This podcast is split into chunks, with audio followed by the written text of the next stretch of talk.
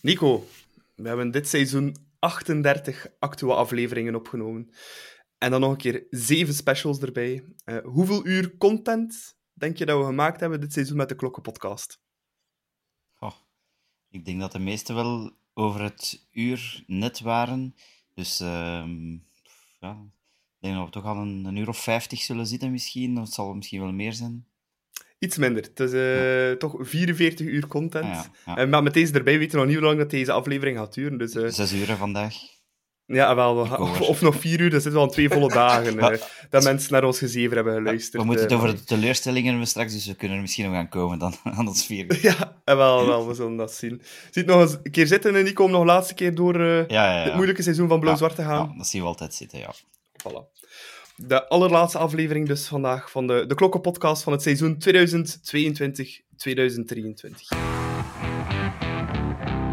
Nu Perez iets vinden, dat gebeurt ook. Perez iets, één keer trappen. Schitterend open.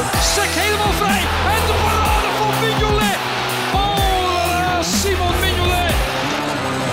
En Sommel. En de Van Aken. Ja, de goal. De gelijkmaker van Club Brugge uitstekend uitgevoetbald. Farina. Juremans, Christian, tegen de paal en binnen. Hans, oké, okay, je bent er dit seizoen voor de allerlaatste keer bij. Um, is het seizoen tussentijd al een beetje verteerd voor jou? Of uh, ligt het toch nog wat op je maag? Nee, ik denk wel dat het al uh, een beetje verteerd is. Uh, het was een beetje het seizoen, vind ik, van, dat in teken stond van de verzadiging. een beetje overschatting van bij het begin, zeg maar, al van in het tussenseizoen. Dus uh, ja, een vierde plaats met dat spelerspotentieel, die spelersmarktwaarde, die hoge lonen is in feite onder het niveau van Club Brugge. Maar uh, ik kijk nu al rijkhalsend uit naar de loting op 21 juni. En dat is exact over negen dagen. Voor onze uh, mogelijke tegenstanders in die tweede voorronde van die Conference League. Dus ja, Club Brugge fan zijn, dat is eh, heel het jaar rond. Dus nu ook met die transfers, uh, ja, je bent daarmee bezig. Maar ik heb het voorbije mindere seizoen al een plaatsje kunnen geven, ja. Mm -hmm. Ja, het stopt niet, Nico. Um, onze podcast stopt nu wel voor een paar weekjes, maar in feite, ja, alles loopt gewoon door. Hè. De transferzomer is weer voorop bezig. Uh, ja, dat is juist het mooie aan voetbal ook. Hè. Ja, ja, en die transferperiode, we weten allemaal dat is iets waar ik ook uh, altijd hard in meeleef. Net zoals Matthias. Uh, mm -hmm. Ik ben er altijd veel mee bezig. Ik vind altijd wel een boeiende periode van wie vertrekt er, wie komt er. Uh, mogen we henken dat, uh, ja. dat de deals rondgeraken. Uh, dan zo die, die eerste oefenwedstrijden zo ook altijd dat dan zo terug beginnen. Uh, de eerste nieuwe spelers een keer bezig zien en een keer links en rechts lezen wat er wordt geschreven. Nu ook nieuwe coach hoe gaat, welk systeem gaat die erin zitten? Dus ja, het is wel veel om naar uit te kijken. Ja, absoluut. Maar voordat we daar naar gaan kijken, naar uh, komend seizoen, want dat gaan we deze aflevering zeker ook doen, uh, gaan we eerst nog een keer fietsen door het afgelopen seizoen. Um, en we gaan beginnen eigenlijk met ja, het leukste, de hoogtepunt van dit seizoen. Want voor veel clubsupporters is het in perceptie ja, een minder seizoen geweest, maar we hebben ook wel heel wat mooie momenten meegemaakt. Um, een van de eerste mooie momenten van dit seizoen was al meteen een prijs. Maar we hebben, dat is, we hebben toch één prijs gepakt dit seizoen. Dat was de Supercup tegen uh, AA Gent, Nico. Ja, dat zit al heel ver in mijn geheugen. Ik moest echt zelf nog de score gaan opzoeken en opzoeken wie dat er gescoord heeft. Eh, Andreas Kof Olsen. Yes, yes. Ja, Na 39 ja. minuten. Ja, ik weet het ook maar omdat ik het vandaag nog gezien heb. Uh, ja. Dus dat was alvast een, een eerste mooi momentje van dit seizoen meteen daaraan sluitend ook de eerste competitiematch, Hans, tegen uh, ja, wat uiteindelijk de vicekampioen ging blijken, Racing Genk, die 3-2. Ja, dat was toch ook een speciale wedstrijd, hè? Ja, dat was met de hakken over de sloot. Iedereen voelde aan dat Genk heel wat beter in die wedstrijd zat. Maar dat was nog een beetje kampioenengeluk van, vorige, van het vorige seizoen die wij hadden uh, meegenomen. Want ja, als, er, als er één ploeg had verdiend uh, van te winnen, uh, was het wel Genk. dus daar zijn we heel goed weggekomen. Maar dat was al na in feite een tussenseizoen met een aantal toch wel mindere matchen. 2-4 tegen Kopenhagen bijvoorbeeld, 1-1 thuis tegen Lierse. Ja. Dat zat er al aan te komen dat ons seizoensbegin niet bijster goed zou zijn. Maar eh, iedereen was tevreden, want het was een warme zondag. Mm -hmm. Dat we die 3-2 en die drie punten konden thuishouden in die eerste thuiswedstrijd tegen Genk. Ja, ja en wat ik ook me vooral herinner, Nico, van, van die eerste thuiswedstrijd tegen Genk, was uh, ja, dat Kyle Lerin het eigenlijk al een beetje verbrot had. Ehm, na ja, een paar minuten voetballen bij club. Misschien moet nog eventjes uh, verduidelijken uh, aan de fans waarom, voor wie het niet meer in het uh, versgeheugen zou zitten. Ja, ik moest direct terugdenken aan, aan het geval Diagne in, in PSG, met de penalty opeisen en dan de penalty missen. Achteraf herinner ik mij wel nog dat Karel Hoefkes gezegd heeft aan die van Larin, um, denk ik dat Hans ge gezegd had van neem jij hem toch maar. Uh, herinner mij nog dat Hoefkes een beetje wou zalven. Of, ik weet dat we er nog over gesproken hebben. Van klopt het wel? Het is misschien ook een beetje om de pers te sussen. Uh, maar inderdaad, mij ook heel goed dat hem die penalty precies zelf wou nemen. En hij mist hem. En eigenlijk is het een, een wonder hoe dat Scovolsen die bal zo in één tijd in de rebound toch binnenkreeg. Want uh, ik denk dat drie vierde van, van de Jupiler Pro League die bal in één tijd in de hoogste ring van de tribunes getrapt hebben. Dus dat was eigenlijk wel ja, zoals Hans zei, met de hakken over de sloot. Um, maar het was wel een, uh, een diepe sloot, want ik denk dat Dessers toen nog bij Gink ook spelen. Ja, en dat, speelde heel goed tegen ja, Mechelen. En dat Mignolet daar uh, al direct zijn, zijn beste vorm moest bovenhalen. En het was echt wel een wonder dat we daar toen met 3-2 tegen gewonnen hebben, denk ik. Ja, dat was ook nog uh, een van de eerste matchen, Hans, van uh, Karel Hoefkens. Hè. Het, is, het lijkt een eeuwigheid geleden dat hij bij ons aan boord was, King Karel ja, het was van in het begin wel een beetje in die competitie ja, heel erg zoeken. Hè. Ook, uh, ook die eerste speeldagen. Ik denk dat we op speeldag 2 ook al tegen uh, Eupen onderuit gaan. Uh, ja, er was, er was al wat, wat zoden aan de dijk. Ja, hij was aan het zoeken en ja, ook de manier waarop dat hij in feite als T1 gebombardeerd geweest is. Um, ik, ik, herinner mij een, een beetje een, een, arrogante uitspraak vanuit onze bestuurskamer. Die zei van, ja, Club is zo'n geoliede machine dat het er eigenlijk amper toe doet wie er aan het stuur zit. Um, het is een beetje zoals in de Formule 1. Als je over een bolide, Red Bull bolide beschikt, uh, zet daar Max Verstappen in of, of gelijk iemand anders. Die, die, die komt als eerste over de lijn. En dit vond ik nogal arrogant en een vorm van overschatting om ervan uit te gaan dat ongeacht wie nu die trainer was, dat club uh, opnieuw freewheelend uh, een, vierde titel op rij uh, zou behalen. Dus, en ik had de indruk dat de bedoeling was eigenlijk om Christophe Daum als T1 aan te werven, maar dat hij dan in de zomerperiode een diagnose van kanker kreeg en hij dat dan aan zich heeft eh, laten voorbijgaan, waardoor dat Karel als uh, hoofdcoach het seizoen inging. Um, dus dat was al een minpunt. En die tweede wedstrijd op Eupen. Uh, we waren er met een paar auto's naartoe gereden, want ook in Eupen kun je tussen het thuispubliek zitten. En het was zo onwezenlijk. De helft van die tribunes zat vol met clubsupporters. En je voelde vanaf het begin uh, dat we niet in ons dagje waren. En dat was een eerste uppercut. Uh, ik herinner mij ook nog dat uh, de uitspraak van Hans na die wedstrijd, dat hij zei, ja, maar ja, er was geen plan. we wisten niet in feite wat er juist van ons verwacht werd. En we deden, deden zomaar, we modderden zomaar aan. En dat was al een eerste um, teken dat het niet zo snor zat op tactisch vlak. Ehm, vanuit uh, de, de, technische staf. Um, maar goed, uh, eh, 2-1 verlies uh, en iedereen, ja, dat was een normale wedstrijd die we altijd wonnen, Eupen uit. was het teken aan de wand en ja, de daaropvolgende wedstrijden tegen Zouten thuis was het ook zwak, 1-1. En ik vond OHL, die vierde competitiewedstrijd, 0-3, dat was voor mij de referentiematch. En ik ja. dacht, club is nu gelanceerd. Echt een heel goede wedstrijd met een Jutkla en een Noah Lang in de hoofdrollen. Um, dus uh, iedereen dacht, club heeft zijn kampioenen-elan teruggevonden. Um, dan was het ook nog goed tegen uh, eh, KVK thuis 2-1. En op Charleroi met Jutkla in een glansrol vond ik het ook een heel uh, leuke wedstrijd. Um, alles zat goed. Uh, maar goed, neem maar over, Nicola, want anders zou ik toch heel die Voilà, we zijn Ja. rond. We hebben gedaan. Nee, nee, nee, nee, nee, nee, nee, nee, nee. Ja. Nee, want ik ging al meteen naar een eh, volgende hoogtepuntje, want OHL was er eentje, maar eh, een andere een die er was, was ehm, op 2 september, eh, Nico. Dat speelden we de Brugse derby.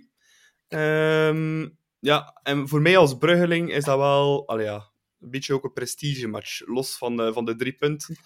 Ehm, maar dat je de ploeg van de stad bent, ja, dat is toch altijd heel mooi. En we wonnen ook met de overtuigende 4-0-cijfers. Ook al was het wel een beetje een zwart kantje met de, die zware tackles op uh, Onyedika en eh, de blessure van Matta, Matta, die daar eigenlijk ja. begonnen is voor de rest van het seizoen. Ehm, maar dat was ook wel ja, een mooi moment. Hè. En Ja. Jaremchuk die zou nog helemaal vergeten. Ja, ja Remchuk die. Warempel een goal maakt. Is de debuutmatch. Ja. Ehm, Ja, maar dat, dat had hem nooit niet mogen doen, hè.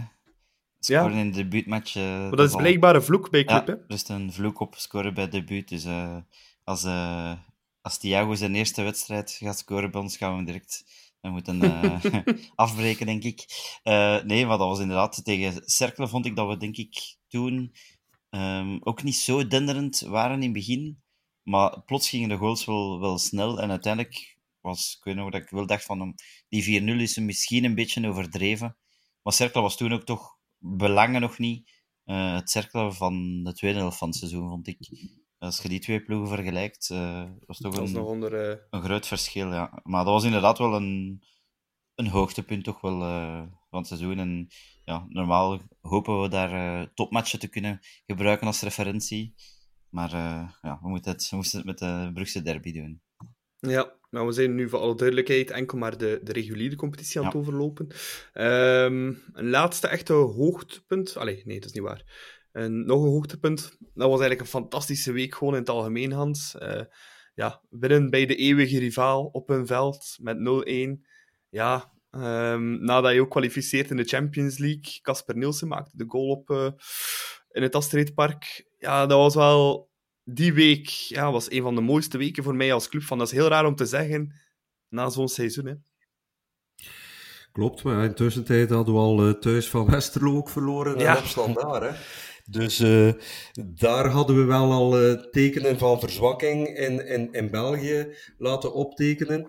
Maar effectief, die 0-0 op Atletico en dan die 0-1 eh, op MOV. eh, iedereen dacht, eh, we zijn eh, teruggelanceerd. Dus eh, ja, heel leuk. En, en de enige topwedstrijd blijkbaar die we dit seizoen in de reguliere competitie hebben, hebben gewonnen. Dus, eh, verplaatsing. Ja, ja, away, hè? Ja. Ja. Dus eh, ja, we, daar zaten we op schema. Op dat moment zaten we eigenlijk op schema. Ja, Ja. inderdaad. Want dan ja, komt eigenlijk een heel moeilijke periode, Nico, in eh, de reguliere competitie. We gaan het daar straks nog eh, uitgebreid over hebben.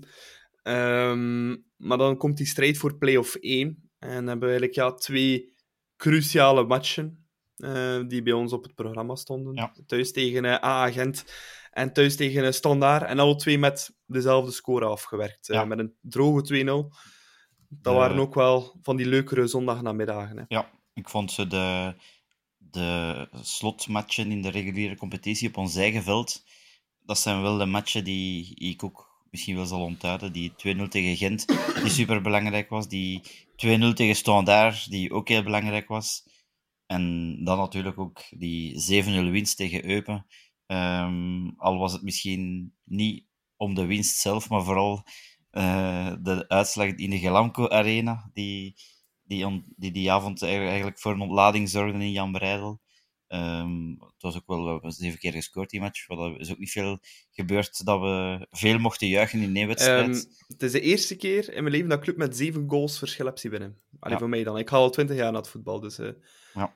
Ik heb Ja. ze al een keer zeven zien maken, maar altijd wel één, twee ja, of tegen een keer drie Standaard en tegen. zo. tegen, eh, ja. tegen Oostende een keer zeven, drie ook. eh. Ja, tegen, ja, tegen Lokeren, Speer, eh herinner ik nog, was ik er in, in de jaren, Dat in de jaren niet. 90. Ehm, ja, dus ik vond dat die, in de reguliere competitie vond ik dat we op het einde van het seizoen toch nog een paar goede ja, overwinningen hadden, maar dat was dan ook thuis. Eh, anderzijds was er dan ook die, ja, die pijnlijke nederlaag in Kortrijk. Eh, maar daar zullen we het dan subiet allemaal Ja. nog over hebben bij teleurstellingen. Maar ik vond in onze thuismatchen op het einde, ja, hebben we toch nog het een en ander recht getrokken om toch in play-off 1 te geraken. En dat was voor mij toch ook wel...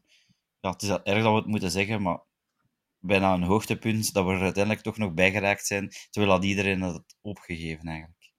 Ja, Hans, want uh, ja, ik weet nog, de laatste afleveringen voor die thuiswedstrijd tegen, uh, tegen Eupen, dan hadden we eigenlijk al ja, de hoop een beetje opgegeven. Hè. We hadden ons eigenlijk allemaal aan het klaarmaken voor, uh, voor play-off 2. Dat we er toch nog bij zijn geraakt, ja, ondanks ook wat er nadien nog gebeurt, maar ben ik toch nog altijd heel blij om dat we die play-off 1 nog nooit gemist hebben. Dat dat toch iets blijft dat op ons palmarès blijft staan. Ja, voor die wedstrijd had iedereen, ging iedereen ervan uit dat het play-off 2 zou worden. Maar met dank aan KVO die op Gent uh, ging winnen, was dat toch wel een fantastische avond tegen Eupen. En werd dat gevierd als een halve titel eigenlijk. Omdat het net zo onverwacht uh, was. Uh, niemand gaf ons één kans voor de wedstrijd. Die wint dan thuis met 7-0. En onverhoopt raak je dan toch nog in play-off 1 en bijna een quasi-zekerheid van een Europees ticket. Dus dat was toch wel een, een heel leuke avond. En als je naar de competitie en die overloopt, is dit toch wel, denk ik, de avond van, uh, van het seizoen geweest in competitieverband. Mm -hmm. Omdat we daar eindelijk hadden we daar resultaat wat totaal onverwacht was. De, namelijk die kwalificatie voor play-off 1. Ja, nee, dat was inderdaad een, een zeer mooie avond op Jan Breij. Dat is eigenlijk ongelooflijk, Nico. Maar we hebben gelukkig wel voor agent dan hun grootste teleurstelling van het seizoen bezorgd, hè, die avond. Want dat was wel uh, de grote ontreddering daarbij van Haasbroek en co. Ja, ja dat was, allee, zoals we zeiden, niemand had het nog verwacht. Ook van Haasbroek zelfs niet, denk ik. Um, en in de pers was het ook al overal duidelijk dat club uh, play-off 2 ging moeten spelen. Um, ik zelf ja, had er mij ook wel al zo een beetje bij neergelegd. Ik had nooit gedacht dat Gent ging verliezen van, van Oostende. Dat had ik echt nooit nooit gedacht. En ja, dat was dan eigenlijk twee wedstrijden die heel goed samenvielen. Wij dat dan direct een keer 7-0 winnen van, van Eupen. En dan ja, Oostende die daar in Gent gaat schitteren. Ja, dat was, uh, ik zeg het, ja, dat was eigenlijk een beetje een hoogtepunt van het seizoen. Maar het is anderzijds ook veelzeggend dat dat het hoogte, een van de hoogtepunten is natuurlijk. Ja. Hans, ben je eigenlijk een, een fan van de playoffs? Want um, als je zo kijkt, de ontknoping van de reguliere competitie, ja, super spannend uh, naar de playoffs toe. Ja, de ontknoping van de playoffs, ja, daar is uh, al heel veel uh, inkt over gevloeid. Ja, het zorgt wel voor een extra, extra pigment in, de competitie natuurlijk. Hè. Heel dat playoff gegeven. Ja, maar truist tegen alle sportieve wetmatigheden. Hoe kun je nu na 24 of 30 speeldagen plots de behaalde punten halveren? Ik ben voor een competitie, een na-competitie, met x aantal ploegen, vier of zes. Maar ik vind die halvering van die punten vind ik totaal niet terecht. Uh, je kunt dat niet maken, dat gaat in tegen alle wetmatigheden van de sport. En het is een, een artificieel, um, een kunstmatig spannend gegeven wat je zelf in de hand werkt. En ik ben 100% zeker, mocht in Duitsland diezelfde play-off-formule de laatste elf jaar ook daar uh, doorgaan, zou Bayern München nooit elf keer na elkaar kampioen kunnen spelen. Omdat de kans op die titel ga je toch gaan sturen, omdat je met zes ploegen zit, die dan tegen elkaar, dus als je in feite een, een Sava, een reguliere competitie speelt, maar die laatste uh, anderhalve maand tot twee maand uitblinkt, dan kun je effectief nog over alle ploegen gaan. En dit is niet, dus dit is niet kosher. En dat is ook de reden waarom dat in de top 5 competities geen enkele competitie dit format hanteert. Omdat dat gewoon niet, uh, niet logisch is. Maar in België, en zeker de media, vinden dit een fantastische formule. Kijk eens, uh, het, is, het wordt altijd beslist uh, de, de derde of de voorlaatste, of, of in dit geval de laatste wedstrijd. Maar het is een kunstmatig gecreëerde spanning. Uh, dit hoeft niet zo te zijn. Kijk naar de Engelse competitie. Ook daar, uh, met die drie punten zonder halvering, kan het best uh, spannend blijven tot op het eind. Dus ik ben zeker geen voorstander van die play-off-formule. Wel van een formule waarbij dat er een eindronde is met een aantal ploegen. Um, maar niet die halvering van de punten. Die, dat krijg je nooit verkocht bij mij. Ja, nee, daar volg ik uh, wel in. En het was ook, Nico, de laatste keer met vier, hè, want volgend jaar is het terug met, uh, met zes in uh, play-off 1. Dus dat betekent weer tien play-off matchen in plaats ja. van, dat. Hè. dat Ja, en dat vind ik eigenlijk nog erger. Eh, Ja, want- ik, ook, ik was meer van, van met vier Ja, dan met ve- Want zes. dan heb je eh, ook vier ploegen die er allee, nog voor, voor strijden. Ik herinner mij de play-offs mee, waar dat Oostende en, en wat is het, Zulte Waregem en zo nog meededen. Ja, en die staan daar dan zo wat mee te, te bengelen op plaats 5 en 6. Die pakken ook niet zoveel punten. Pff, daar heeft nie- Ja. niemand echt iets aan. Ehm, met vier is er eventueel nog iets voor te zeggen. Al zeg ik ook zeker die, die puntendeling. ja. Eh, Daar ben ik ook nooit niet mee akkoord. Met vier ben ik ook ben er geen fan van, maar ik vind het wel nog altijd beter dan met zes. Want met zes, dat zijn, Ja. dat zijn tien, direct tien spelen en dat, dat reduceert ook direct weer al de, het belang van de reguliere competitie. Dat is, dat is exact mijn punt ook. Ja, Ehm, dus, ja, je nee. devalueert je reguliere competitie enorm door eh play-offs met, met zes te Dus doen in plaats geen van van, nee. Omdat je, ja, je kan gewoon nog... Allee, dat zijn 30 punten in play-offs goed maken. Dat is eigenlijk 60 punten reguliere competitie dat je goed kan maken. eh. Ik denk dat ze dat ook gewoon doen, zodanig dat, eh, dat er meer ploegen blijven spelen. Hè. Want daaronder dan direct play-off 2, 7 tot eh, plaats X. Terwijl dan nu, ja, al die dan onder plaats 8 eindigden, eh waaronder Moof, ik zeg het nog eens, eh, die, die hun seizoen was, was al gedaan. Hè. Dus ik denk dat ze dat gewoon daarom ook terug naar 6 brengen. Zodat er nog veel ploegen niets hebben om ervoor te spelen. Maar ja, het slaagt op niks. Hè. Ja, en Mauve seizoen die is alweer begonnen. kijk, en die van ons is nog maar net geëindigd. Ehm, ja, we zaten dan uiteindelijk in die play-offs ja, met niet al te veel verwachtingen. Ehm, ja, het was al vrij snel duidelijk dat we ja, een figurante rol een beetje gingen spelen. De rol van de scherprechter. We hebben dat ook eh, met verve gedaan. Een hoogtepunt wel uit die play-offs, Hans. Ja, dat was uiteraard wel eh, die 2-0 eh, overwinning thuis tegen Antwerpen in die play-off-wedstrijd was toch even ja, duidelijk maken dat wij nog altijd de kampioen van België waren. en dat toch een beetje goed maken van eh, die 3-2-nederlaag eh, de week voordien. Ja, we hadden de, de eerste drie wedstrijden in play-off 1 eh, verloren. Eh, nu die eerste eh, in Genk 3-1. eh, iedereen had nog zo een, een beetje een gevoel van misschien wordt het dan toch nog eh, ons seizoen. Maar na die verlieswedstrijd wist je dat je effectief enkel streed voor die, voor die vierde plaats en dat je enkel nog scherprechter kon spelen in die titelstrijd.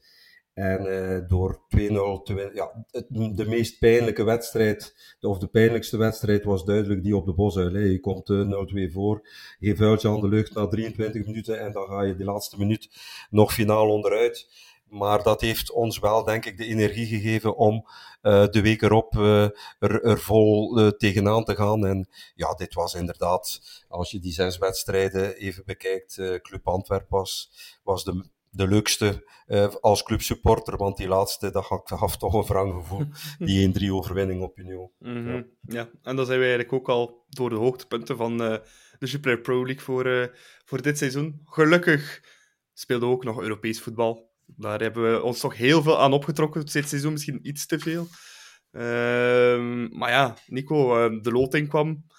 Ik weet nog dat we zeiden, oei, eh, Atletico Madrid, Leverkusen en de Porto. derde... Porto. Porto, ja, sorry, ik was even helemaal kwijt. Eh, Porto, dan denk je, ja, dat zal toch een heel moeilijk worden. En derde plaats zal al mooi zijn. Hè. Dat, was, dat was toch mijn gevoel vooraf, voordat we begonnen aan die, eh, aan die Champions League-campagne. Dat een derde plaats al echt goed zou zijn. Want dat zijn allemaal ploegen met budgetten die veel hoger zijn dan die van ons. En ook, ja, historisch gezien in Europa, ja, heel sterke ploegen ook gewoon zijn. Hè. Ja, het was zoals elke keer als een, als een ploeg in de Champions League eh poelen, poelen zit, is het altijd van ja, proberen die derde plaats te halen. Dat is altijd de ambitie. Ook al spreekt club het soms uit van we zouden graag naar de tweede ronde gaan, maar dat is altijd gemakkelijker gezegd dan gedaan. Ehm, zeker omdat er nu ook niet echt een, ja, een zwak broertje bij, bij zit, eh, als je dan de poelen ziet. Waren allemaal ploegen Ja, op die... papier waren wij dat een beetje. Hè. Ja, wel, ja het is dat. dat is, dus- en dat is meestal zo met een Belgische ploeg in de Champions League. Hè. En, eh, maar als je dan ziet hoe dat we gestart zijn aan de, aan de campagne, was toch eh, direct veelbelovend. En ja, ik denk dan vooral aan de 0-4 zegen op Porto. Dat is toch wel ja, Mhm. voor mij het moment waar dat mijn mond open viel eigenlijk. Dat ik dacht Ja. van, wow, wat een avond is dat hier. Ehm, En ja, ook de twee wedstrijden tegen Atletico Madrid natuurlijk waren ja, Ja, maar ook, onvergetelijk. ook die allereerste, Hans, eh, thuis tegen Leverkusen. Ehm, vooraf was het geleden van dat we nog een keer met publiek thuis hadden gewonnen in de Champions League match. Van de 3-2 overwinning tegen Rapid Wenen in 2006. Dus dat deed wel deugd. Ik had als fan club nooit Europees, allee, Champions League thuiswedstrijd weten winnen. Eh. Ehm, alleen als ik er zelf bij was dan. Dus dat was ook wel een hele Ja. mooie. Wel een beetje geluk met de keeper daar eh, bij die 1-0. Inderdaad, maar ja, je moet in feite, je weet in zo'n eh, campagne met, met, met vier min of meer gelijkaardige ploegen, eh, je, je wist op voorhand een thuiszege. Als je zo kan starten, dan, dan, dan is dat een bonus tot en met. En eh, ja, dat was een, eh, een heerlijke avond. Maar voor mij de avond, zoals ook voor Nico, was die 0-4 in, in Porto, Ja, die waanzin, tweede hè. speelronde. Dat, dat was magisch. De manier ook waarop, eh, hoe we die, die, die doelpunten scoorden, uitgespeeld. Echt totaal voetbal. Dit was by far het hoogtepunt van het seizoen 2022-2023 als club van voor mij persoonlijk. Die heerlijke avond in Porto, onwezenlijk 0-4. Als, In de als het kleine Club Brugge dat, eh, dat voetballes ging geven tegen de, de, de Portugese kampioen. Dus eh, ja, voor mij was dat natuurlijk ook Atletico thuis 2-0. Dat wist je, 9 op 9. Dit is ongezien voor een Belgische ploeg. Wij trokken ons op eigenlijk aan en, en, en de spelers die, die, die gaven dat wel thuis. Hè. Het, het, het, het contrast tussen eh, het spelniveau in Europa, de concentratie eh, en, en, en de onverschilligheid en, en de overschatting in de Belgische competitie was zodanig groot dit seizoen. Eh, ja, ik, ik vermoed dat vanuit het bestuur er een duidelijke richtlijn eh, kwam dat de prioriteit voor eh, de, de, eh, he- of in de heenronde voor nieuwjaar, dat dat kwalificatie voor de tweede ronde in de Champions League was. Maar om dan de Belgische competitie zo te verwaarlozen, dit denk ik kon nooit eh, de bedoeling geweest zijn. Maar het was heerlijk om Club Brugge dit seizoen in Europa te volgen, eh, behalve natuurlijk die laatste eh, wedstrijd tegen Porto thuis was, was minder. Maar ja, wij gaan dit seizoen blijven herinneren voor die memorabele Champions League campagne van Club Ja. Brugge. Ik herinner me ook nog die eh 2-0 thuis, Nico, tegen, tegen Atletico. Ja, dat was ook zo weer zo oldschool, Jan Breidel, Ja. Europese avond. Echt, ik stond in de Zuid. Ik had het gevoel dat ik midden in de spionkop stond. eh, En dat zegt al heel veel. eh. Ik herinner me dat de sfeer die match ook nog een keer echt eh, als vanuit was. Eh, de, de sfeer en alles zat mee, hè. Ja, alles, zat zat mee. En iedereen geloofde er ook in van, we gaan ze pakken. Eh, dat was raar voor te zeggen, maar ik had, ik had echt het gevoel van, we gaan winnen. We gaan, we gaan er echt van winnen. En dan Jutka die scoort tegen zijn, eh, tegen zijn landgenoten. Ook, ook nog een keer eh, leuk voor hem. Griezmann die die penalty mist Ja. op de lat. Ah, ja, ja, ja, juist, ja. Dat was eigenlijk drie keer jeugd, die wedstrijd. ja, en, en allee, daar stonden we dan met 9 op 9. Hè. Dat is eh, Ja. een enorm Mhm. straf toen. Ja. Ja, en ook... eh, ja, dan, dan kwam uiteindelijk die 0-4 tegen, eh, tegen Porto. Dat was de tweede En, match. Hè. ah ja, nee, de, de voorlaatste match. En ook nog, ja, die 0-0 op Atletico, dat was, Atletico. dat was voor mij persoonlijk eh dat weer het, eh, het hoogtepunt van het seizoen. Ja. Het was ook mijn verjaardag op die dag eh, met mijn vader en mijn broer in Madrid. Dat was ook zo, ja. Alles viel super mooi en dan die extreme spanning. Eh, heb je ooit een keeper, Nico, zo goed zien keepen als Mignolet die wedstrijd? Alhoewel, misschien, ik denk, denk dat er één iemand is die wel in de buurt kwam. Ja, Ryan, Dus, Mathieu Ryan op Ryan, Torino. Of eh Danny Verlinden. Torino. Of Danny Verlinden in eh Milaan. Dat was ook wel... Ah ja. Ja, ja daar, was ik, daar was ik toen bij, Danny Verlin in Milaan. Maar ik dacht direct aan Mathieu Ryan in Torino. Ehm, als je alleen over de club eh, doelmannen spreekt, eh, dat is ook wel een moment dat ik, dat ik zelf eh, gezien heb. Waarschijnlijk, Birger Jensen zal er waarschijnlijk ook nog wel vaak in gestaan hebben, maar dat is iets voor mijn tijd. Ja, ja, ja. Ehm, ja, de Champions League-campagne. Prachtig geëindigd als tweede. Jammer genoeg net niet als eerste. Dan hebben we die laatste match, ja, die 0-0 in Leverkusen, wat dat eigenlijk ook een goed resultaat was. Jammer genoeg eh, niet gehaald. Maar oké, we waren allemaal super tevreden met die kwalificatie, historische kwalificatie voor club. En eh, de Champions League was Ja. absoluut ook een hoogtepunt. Een eh, volgend hoogtepunt ja, is eigenlijk gewoon Club Next. Die hebben gewoon een fenomenaal seizoen erop zitten. Uh, ook naar doorgroei naar de eerste elftal. We hebben nog nooit zoveel jeugdspelers gehad, denk ik, die in die eerste ploeg al mooie dingen hebben laten zien. Met bijvoorbeeld een ja, Vermand en Homma, dan in de play-offs die vaak gespeeld hebben. Ook een Spileer die erdoor kwam. Ja, Silla, uiteraard. Ehm, het was echt wel smullen, Hans, van, van Club Next. Ja, ik heb even de, de statistieken bekeken van onze drie kampioenjaren en dit seizoen. En nog nooit hebben spelers die in feite het seizoen gestart zijn bij Club Next, zoveel minuten kunnen maken in het eerste elftal. En wel bepaald 1670 minuten hebben, werden volgemaakt door Spileers, Vermand, Homma, Talbi, Sandra, Sabbe, Mbamba ook nog meenemen Mhm. en Odoor. Dat zijn 18,5 matchen die eigenlijk van de 40 die gespeeld geweest zijn door een Club Next speler. Ja. Door iemand die als Club Next speler aan het seizoen begonnen is.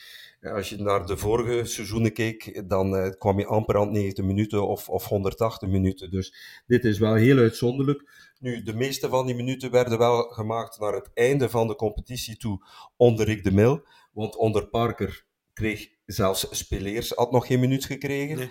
toen die eh, moest vertrekken. Dus het is wel degelijk met dank aan Rick de Mil en, zijn laatste, en de laatste periode. Want ook onder Hoefkens kwamen die jongens niet echt aan de bak. Maar 18,5 matchen, 1670 minuten. Eh, ik heb nu niet de vergelijking gemaakt met eh, andere eerste klassers. Maar ik denk dat dit wel voor een topploeg in België een ongezien aantal minuten is die volgemaakt werd door 17, 18, 19, 20-jarigen. Dus dat wil ik ook wel even, even benadrukken. Waardoor dat eh, in de loop van het seizoen Club Next wel een beetje onthoofd was op het einde. Dat ze niet echt scherprechter hebben kunnen spelen in het titeldebat. Want hadden ze op volle eh, sterkte nog kunnen te- tegen de Beverens en, en, en Beerschot en Molenbeek aantreden, hadden ze misschien nog, nog, nog een beter resultaat kunnen halen. Maar al bij al een historisch sterke ehm, seizoen voor Club Next. En het is heel hoopvol naar de toekomst toe dat bijvoorbeeld vandaag een, een, een speler als Kiriani eh Sabbe bijtekent en dat Club Ja. Brugge daar blijk van vertrouwen geeft aan eh, een van die spelers die dit seizoen de, de neus aan het venster van eh, de eerste ploeg heeft gestoken. Dus zeker Club Next. Ik had ook een abonnement op de Nest. Ik heb praktisch alle wedstrijden gezien en ik ben altijd met plezier naar daar gereden. En eerlijk, ik heb mij dit seizoen dikwijls beter geamuseerd in de Nest dan in Jan Breidel. Maar Ja. goed, het is natuurlijk op een ander niveau, je Ja, kunt het niet vergelijken. Maar qua, qua eh, goesting om te spelen, qua speelintensiteit, qua frivol en er vol voor gaan. En we zaten in die eerste ploeg met, met een ploeg die excelleerde in Europa, maar die zijn neus opstak voor, voor, voor België. Wat, wat niet, niet leuk was, die jongens die gingen er altijd vol voor. Dus eh, nee, shout-out naar Club Next en de, de entourage. Heel leuk seizoen. En Ja, het als, is eigenlijk wel straf, hè, Nico, dat als we op voorhand hadden gezegd dat Club en Club Next op dezelfde plaats gingen eindigen in 1A en 1B. Ja. Ja, dat is eh, toch opvallend. Hè? Ja, dat is opvallend inderdaad. En, en gelijk de Hans zei, die minuten eh, is ook heel opvallend. En dan is er eigenlijk nog niet gesproken van de minuten die Sila eigenlijk normaal, die zijn dan zo, ze heeft nog niet bijgeteld. Want die begon eigenlijk ook bij, bij Club Next, omdat een Sokkie eh, nog, al, nog bij ons zat. Dus als je die minuten er ook nog eens zou bijtellen, dan komt dan direct nog een gans pak meer, denk ik. Eh, want die zat er niet bij, denk, dacht ik. Ehm, Nee, die zat er niet bij. voilà. Dus Ja. eh, als je die ook nog eens erbij telt, eh, een, een, Sila heeft 1461 minuten gespeeld. Jezus. 20 wedstrijden van de Ja, 40. dus ik vind dat we die er eigenlijk er ook nog zouden moeten, moeten bijtellen, als we, als we een, een goede berekening maken. Ehm, en dan zijn er ook nog spelers die voor beide elftallen soms spelen, gelijk een Noosa. Eh Noosa heeft ook minuten bij Next gespeeld. Oké, die zie ik, die zag ik van in het begin ook misschien meer al bij een Aken-speler. Sila is dat denk ik meer geworden, omdat een Sokkie eh, vertrokken is. En eh, dat is wel eh, toch wel een, direct een, allee, een speler geweest die, die voor mij het, het meeste indruk maakte van Club Next. Zijn vooral de verdedigende spelers. Spileers heeft, heeft zich getoond. Natuurlijk, soms was, was het misschien een beetje te moeilijk, maar ik vond algemeen gezien dat Spileers wel een goede indruk heeft gelaten. Ja, zeker voor zijn Eh, leeftijd. hè. Een mag zeker een plaats hebben in de kern. Ik zeg daarom niet de basis, maar in de kern. Maar een Silla is voor mij ja, de beste centrale verdediger die we hebben, zeker naar potentieel toe. Dus dat is voor mij toch wel de speler die, eh, die van het niks gekomen is, eigenlijk. Mhm, ja. Ehm, sportieve hoogtepunten, maar we hebben ook eh, veel ambiance gemaakt met club. Eh, Hans, wat, wat was voor jou qua sfeer je hoogtepunt van het seizoen? Ja, voor mij Porto away, die 0-4, dat was... eh, iedereen was in extase, iedereen eh, was, was gewoon... het, het was 90 minuten lang genieten en, en we hebben ze daar overstemd, vocaal, maar ook sportief. Dit was echt voor mij by far de, de mooiste wedstrijd op sfeervlak van het seizoen. Eh, al die Europese aways in feite, ook eh Leverkusen Ja, ook zeggen, die, die 0-0 was best oké qua, qua sfeer. Atletico was ook eh, eh, die, die 0-0. Eh, eigenlijk de Europese aways waren voor mij op sfeervlak ehm, en ook de thuiswedstrijden. Ja, een beetje zoals eh club dit seizoen. Hè. We hebben ook eh, sfeer gebracht eh, in Europa. En, en, en vaak eh, als twaalfde man niet thuisgegeven in, in België. Dus eh, het is een interactie tussen beide. Hè. Dus wat er op het veld gebeurt en, en de tribunes. Dus ehm, ja, qua sfeer. eh, even kijken, in Belgische competitie. Eupen thuis Ehm, sowieso. Eh, Ja, Antwerp thuis. Tegen Genk Ja. thuis hebben we toch ook veel gezongen, hè? Ja. Dat dacht dat Hans erop ging op, terug op ingaan, maar eh, nee. Nee. Eh, maar wat ik wel goed vond, is eh, eh, daar. Ik dacht dat het tegen eh, in de beker.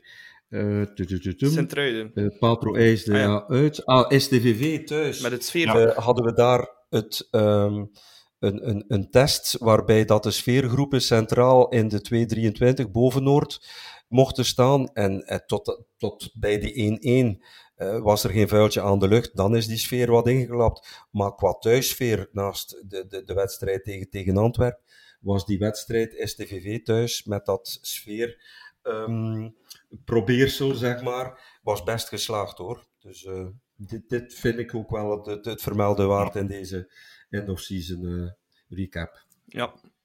Dat waren dan om de hoogtepunten eh, voor dit seizoen, denk ik, zo ongeveer. Ja. Ehm, we gaan dan een beetje naar ja, een iets minder leuk luikje, maar ja, we moeten het ook bespreken. De teleurstelling van het seizoen. Eh, Nico, maar wat gaan we beginnen? Extra sportief of sportief? Sportief.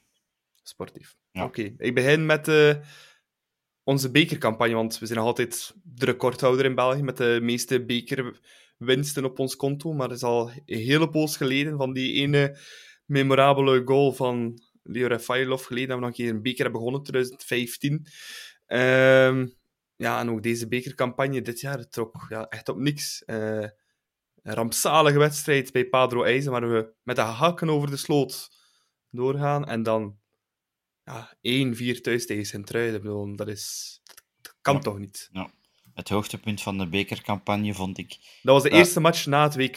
Nadat we allemaal zo Ja. blij waren dat we terug club konden zien. Ja, het hoogtepunt van de bekercampagne was Stijn Stijnen, die eh, alle supporters getrakteerd heeft. Ja, gratis gehad. Ja, dat is voor mij het hoogtepunt van de bekercampagne.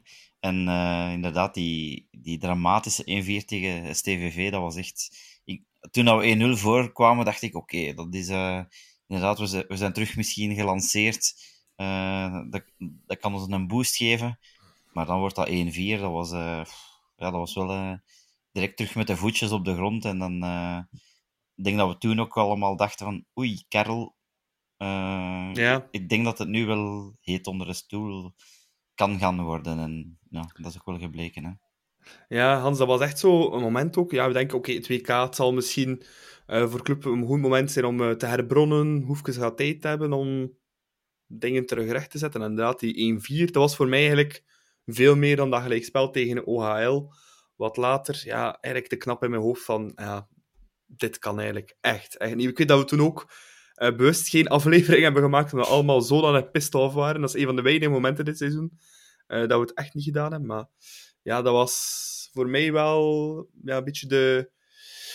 het moment waar het gekraakt is voor Hoefkens, bij mij dan toch. Voor mij was het eigenlijk al die 2-2 tegen Antwerpen, die, die laatste wedstrijd voor het WK. Waar we 2-0 voor kwamen, geen vuiltje aan de lucht en het dan toch nog in extremis weggeven met een penalty-doelpunt onder andere. Ik dacht dat ze dan de stekker uh, er, hadden, er uh, zouden uh, uittrekken, maar hij is nog mogen dat maandje aan boord blijven. En dan inderdaad als club van hoop je dat na het WK die prestaties de stijgende lijn gaan ingaan en dan krijg je die uppercut voor de beker ja, dat was inderdaad de druppel uh, te veel uh, voor Karel. Maar het had even goed voor het WK kunnen gebeuren. En dat ze dan met een nieuwe trainer die voorbereiding op die tweede uh, seizoenshelft konden aanvatten.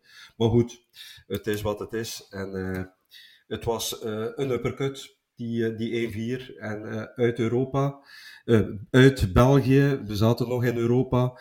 Maar ja, ja zeg het, uh, we zaten met een, met, met een spelersgroep die blijkbaar zich enkel kon opladen voor, voor Europese wedstrijden. En, en in België konden ze het niet opbrengen, ook al waren het intrinsiek dezelfde jongens. Maar het is gewoon uh, gebleken dat, dat daar de prioriteit niet lag.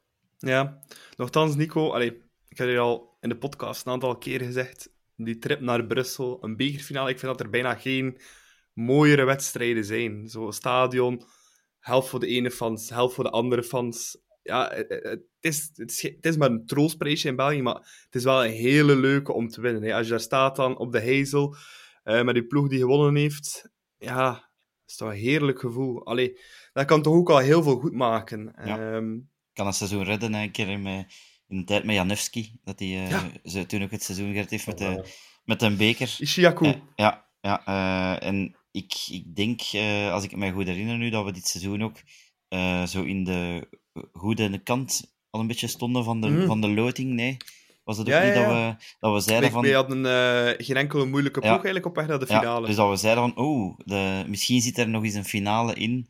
Maar eigenlijk, als je dan de campagne terug bekijkt, dan had dat eigenlijk op Patroijs al kunnen gedaan zijn. Als, uh, als Mignolet ons daar niet een paar keer redt in de slotfase. Um, dus ja, dus uh, eentje om snel te vergeten. En club is normaal een bekerploeg, maar het wordt inderdaad wel nog eens tijd uh, dat we die beker nog een keer winnen. Want we hebben dan ondertussen wel nog finales gespeeld, maar... Uh, twee verloren, hè? Twee keer verloren, dus dat is... daar hoop ik toch een beetje op dat we die eindelijk nog eens kunnen spelen. En dan ook natuurlijk winnend afsluiten. Ja, Hans, is dat voor jou een prioriteit volgend seizoen? De Crocky nee, Cup? voor mij niet. Europa en, uh, en, en de competitie. Die beker vind ik altijd. Ik vind het een dubbeltje. Het is leuk om naar Brussel te reizen, maar als je dan verliest, zoals de twee vorige ja. edities nu. Tegen Antwerpen waren we er niet bij. Tegen Standaard het jaar na, na, na die Rafa-finale. Uh, als je dan verliest, dan, dan, dan werk je een campagne af de tweede. Er is maar één winnaar in die bekercompetitie. En, en het is wie, wie die beker haalt. En nummer twee, uh, die, die, die wordt vergeten. Voor mij is dat voor mij van ondergeschikt belang. Ja, oké. De Champions League dan. Heel veel heel mooie momenten. Ik noteer wel twee minder leuke momenten uh, in die Champions League. Dat was die 0-4 thuis tegen Porto. Vooral anders omdat het ja, 0-4 werd. Want Stel dat het 0-2 of 0-3 was geweest, dan hadden we wellicht wel die eerste plaats gehaald, hè, denk ik. Ik denk dat het uh, daarop heeft gescheeld. Hè. Uh, omdat dan ja, een onderlinge was... doelpuntensaldo... Uh, ja. Dus ja. En dat was net na die, uh, toen we 0-2 voorkwamen, na 7 minuten op Union en Union nog terugkwam. Drie dagen later dan tegen Porto, die, die, die, vier, die 0-4. Ja, dat uh, zijn wedstrijden... Denk twee, gemiste, twee gemiste penalties ook niet? Met de penalty hernomen wordt en dan twee keer gemist. Ja, ja. ja hè? Noah Lang. Ja. En nog iemand die miste. Ja, dat was een dus, beetje penalty spook, dat weet ik ook. Dat was daar ook ineens. Amai, ja. ja, dat is ook al klopt, inderdaad. Kijk, dat zit uh, inderdaad ver. Ja, die 0-4 staat natuurlijk bij mij nog altijd uh, in dat gegrift. En, en, en ja, we waren allemaal zo fier dat we daar in Porto 0-4 gingen winnen bij een van die Europese grootmachten. En dan krijg je diezelfde 0-4 score in Brugge. Ja, dat was inderdaad geen uh, leuk gevoel. Maar goed, we waren nog altijd virtueel geplaatst. En, ja, natuurlijk. Uh, dit, dit, dit, maakt uh, zoveel goed. Dus niemand lag daar wakker van. Nee, dat klopt. De achtste finale dan, Nico. Benfica Lissabon. Ja, maatje te groot, maar we hebben toch ook wel iets te veel goals binnengekregen, vind ik, over die twee wedstrijden. die tweede goal, die 0-2, dat hier op Jan Breidel viel ja, was er al te veel aan, vond ik. Ehm, ondanks dat we eigenlijk geen slechte wedstrijd speelden. Maar dan die 5-1 daar, ja.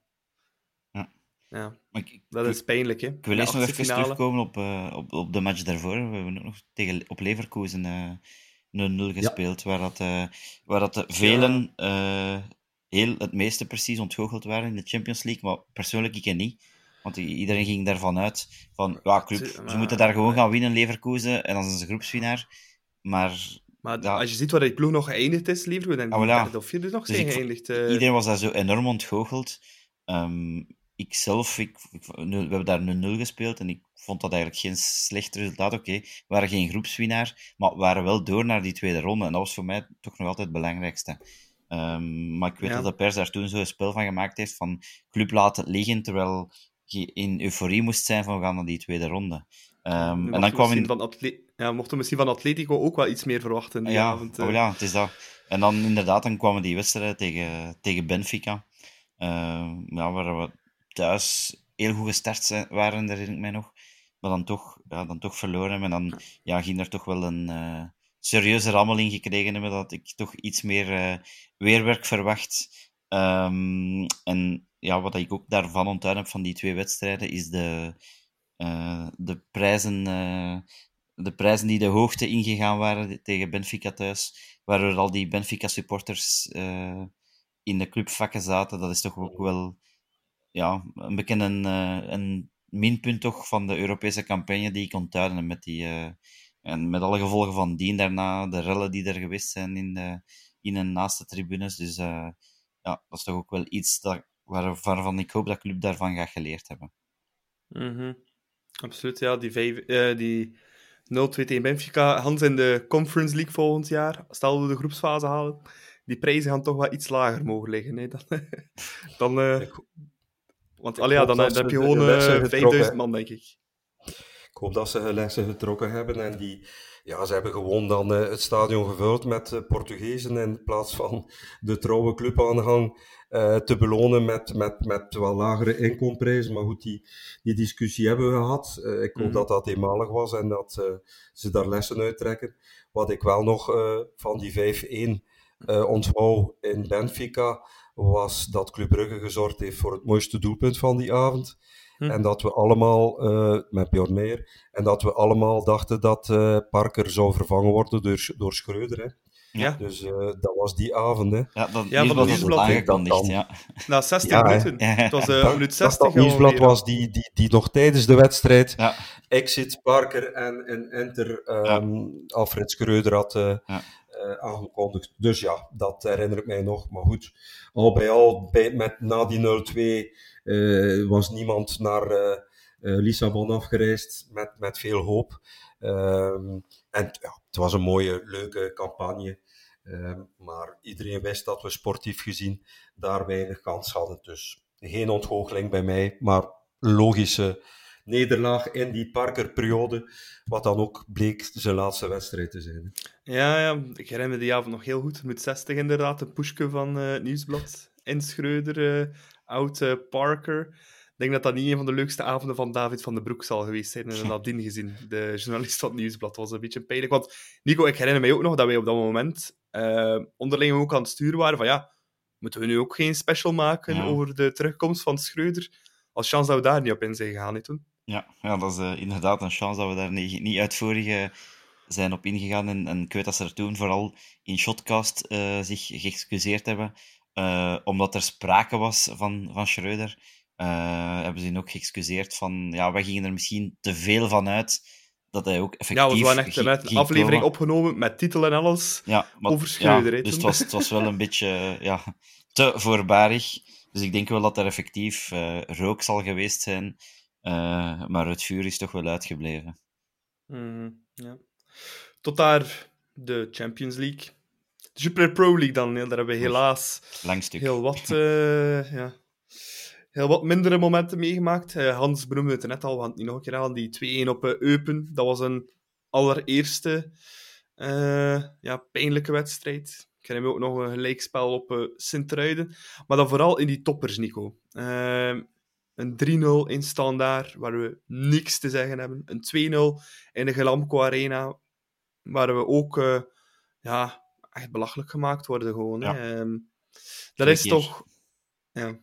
Twee keer niet op de We afspraak. hebben ze dan nadien wel thuis gepakt opnieuw, hè, die ploegen. Maar... Ja, dat wel. Maar dat waren wel twee wedstrijden eh, waar ik echt zoiets had van... wat- hebben we geen zin in of, of gaan we ons hier gewoon laten belachelijk maken? Dus was totaal, totaal geen grinta in de ploeg toen. En, en, en ik, ik weet ook bij die twee matchen geen enkel moment gedacht heb van we gaan hier iets rapen. Gewoon van laat de, laat de afstraffing alsjeblieft niet te groot worden. Dat, was, dat waren zo'n twee wedstrijden, vond ik. En ja, we hebben ze inderdaad dan wel thuis gepakt, maar eh, ja, van de thuismatchen, als je van teleurstelling spreekt, is toch ook wel iets ehm, dat ik hier heb opgeschreven. Eh, puntenverlies thuis, Zulte Waregem, eh, Westerlo, die Antwerpen dat we de 2-0 voorsprong weggeven, OHL dat we tegen gelijk spelen, de Moven waar we altijd van moesten winnen, in een, in nogthans een goede match van ons, maar dat we toch niet konden winnen, met die, dan die ongeluk van Mechelen dat dan nog gebeurt. Charleroi, dat komt bij ons gelijk spelen, Badji die daar, die daar eh, denk ik nog scoort. Ehm, dus ik denk dat we, ja, ik, kan me niet meer een seizoen herinneren waar we tegen de, zelfs tegen de kleinere ploegen thuis zoveel punten hebben weggegeven. Matchen die we normaal Ja. altijd zouden winnen. Eh, ja. Maar ik denk, Hans, we hebben op een seizoen denk ik maar twee keer thuis verloren in de competitie. Wat op zich, ja, voor een vierde plaats, ja, Savan nog, hè, ik bedoel, dat, dat, kan, dat kan altijd gebeuren. Maar vooral extreem veel gelijk gespeeld. Ja. Eh, heel veel punten thuis laten liggen en gelijk spelen. Hè. Ehm, ja, ik vond, ik vond die van tegen Mauve, dat vond ik de ergste. Ja, vooral dat. Ja, inderdaad. Dat, dat is zo ontypisch Brugs. Eh, meestal als je thuis eh, op voorsprong komt, kun je dat vasthouden, publiek erachter. Maar meestal eh, kwamen die ploegen allemaal terug. Eh, en en, en er, ja, die oninneembare vesting, eh, zoals Jan Breidel ooit was, dat zijn we dit seizoen tegen die kleinere goden zeker, dat imago zijn we kwijtgespeeld. Ehm, ja, dus dat, je, je kan titels winnen, en- maar je kunt ze ook verliezen door te- thuis tegen die kleinere ploegen punten te laten liggen. En dit is nu duidelijk gebleken. Hè. Je, moet- je, moet, je moet alert blijven. Je kunt dus een uitschieter hebben, maar al die, die, die, die opeenstapeling van gelijke spelen, twee punten die je telkens eh, weggeeft thuis, dit, dit was te veel. Dus eh, Mhm. ja, focus. Ja, want dat is dan het grote verschil met, met Antwerpen en Nico dit seizoen. Eh, als je dan kijkt, die hebben alle matchen in de competitie gespeeld. Die hebben maar één match niet gewonnen dat ze op voorsprong zijn gekomen. Dat was pas tegen Union, de voorlaatste. Ja, Ehm, ja die dat, is- dat is konden- het verschil, hè. Ja, Dat die is konden ook hun, eh, hun slechte matchen konden zij ook winnen. Hè. Wij moesten echt al bijna top zijn. Ofwel een uitstekende Mignolet hebben, zoals bijvoorbeeld op, op Anderlecht toen. Eh, maar de wedstrijden dat wij niet op de afspraak waren, die wonnen we ook gewoon niet. En dat is iets dat, dat je nodig hebt ook om kampioen te, te worden. Ze zeggen ze altijd, als je ook je slechte wedstrijden weet te winnen. En dat was toch absoluut niet het geval. Mhm. Ja, en ook toppers op verplaatsing, eh, Hans. Ik noteer er twee die we gewonnen hebben. Eentje op eh Mauve ja, en eentje op Union, de allerlaatste speeldag. Die misschien liever niet hadden gewonnen, want misschien liever op eentje gehouden. Maar ja, ehm, dat is ook te weinig. Allee, ik weet dat er wel jaren zijn geweest dat we echt nooit wonnen op verplaatsing bij een topper. Maar naar onze stand, met onze ploeg, ja, we laten ons toch te veel vangen door dat enthousiasme van die thuisploegen. Hè. Dan ook eh, in die topmatch waarin dat, ja, we zijn voor de meeste ploegen in België eh, vijand nummer 1. Allee, voor heel wat ploegen, denk aan Gent, Mauve, eh, Antwerpen. Antwerp, Cerkel. eh, en telkens ja, laten we ons daardoor vangen. Hè. Ja, we, we hebben nooit een antwoord kunnen bieden eh, ten, ten opzichte van eh, thuisploegen die wel met enthousiasme, inzet, grinta eh, speelden. En ja, je, je wint niet altijd met talent, hè, maar, maar de inzet kan, kan het halen. De, de, de goesting van die thuisploeg, het publiek dat erachter staat, de wil om eh, van het grote Club Brugge te winnen. Daar hebben we dit seizoen eh, nooit in feite een antwoord kunnen op geven. Dus ik, ik hoop dat onder Deila, dat dat enthousiasme en die goesting ook om wedstrijden uit te winnen, dat die terugkeert. Eh, want nu hebben we veel te veel in feite eh, moeten opbotsen tegen eh, enthousiastere thuisploegen, die intrinsiek minder eh, talent eh, rondlopen hadden dan Club Brugge. Maar ja, eh, dit seizoen waren we niet, eh, gaven we niet thuis eh, in de competitie. Ja. Nico, nog twee matchen waar ik eh, ziedend van ben geworden in de Super Pro League. Weet. Eh, dat was het terugmatch. Dat was de match waar ik het meest, meest kwaad nog altijd voor ben. Dat is die eh, 2-2 bij Cirkel. Ah. Ehm, ja, ik had een andere allee, voor mij persoonlijk was dat sportief Ja, echt het dieptepunt. Ehm, ik, ik we zijn gewoon ja, vierkant... Allee, behalve de score dan, zijn we gewoon compleet vierkant belachelijk gemaakt tussen de vereniging. Ja. Ehm, ik heb mezelf na nederlagen tegen Cirkel bijna nooit zo beschaamd gevoeld als de derby nu van dit jaar. Ja. Als we die met 4-5-1 verliezen, dan hebben we niks te zeggen. Ja. Het is een wonder dat dat 2-2 wordt, maar dat was voor mij ook wel... Ja, ehm, ja dat was voor mij echt sportief Ja. dieptepunt. Ja, zeker als Bruggeling kan ik me dat inbeelden voor u. Met veel cirk- allee, enkele cirkelenmaten ook. Eh, maar dat was inderdaad wel een, een match waar we echt ook nergens waren eigenlijk. Dat, we, dat een mirakel is dat we daar nog eh, 2-2 eh, spelen. Ik dacht, eh, na, de, na de knappe goal van Nielsen daar, dacht ik eh, van, allee zeg, ze gaan we dat hier toch nog winnen. Maar dan valt toch nog die, die 2-2. Dus ik snap zeker dat dat voor u een van de dieptepunten was. Persoonlijk ehm, had ik er twee andere die er nog boven kwamen. Dat was de, ook net 2-2, maar die op Union. Waar we perfect starten en 0-2 voorstaan. Ze vallen met 10 en dan geven we dat nog weg en wordt dat ook 2-2. Dat, was, dat vond ik eigenlijk minstens even erg, eh, omdat we daar eigenlijk het scenario helemaal in handen hadden. Eh, zeker tegen 10 man zo lang gespeeld en het dan nog zo weggeven tot 2-2. ehm, vond ik heel erg, maar ja, de grootste blamage eh, in de competitie, Ja. denk ik dat we alle drie wel zullen weten.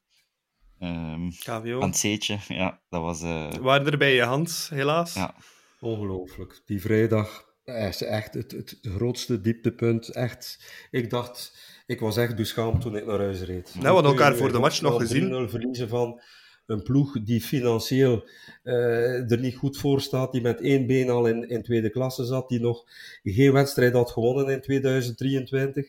En uitgerekend tegen het grote Club Brugge winnen ze met 3-0. Ik was echt eh, beschaamd. Eh, Ja. Maar, goed, maar ik weet, ik dit- weet Hans, hadden elkaar is een nog... onbegrijpelijke wedstrijd voor mij. On- Ja, we hadden elkaar nog voor de wedstrijd ont- ontmoet Juist. ook, Hans. Eh, nog heel babbelke gedaan. We dachten, ja, oké, kom wel goed vandaag tegen KVO.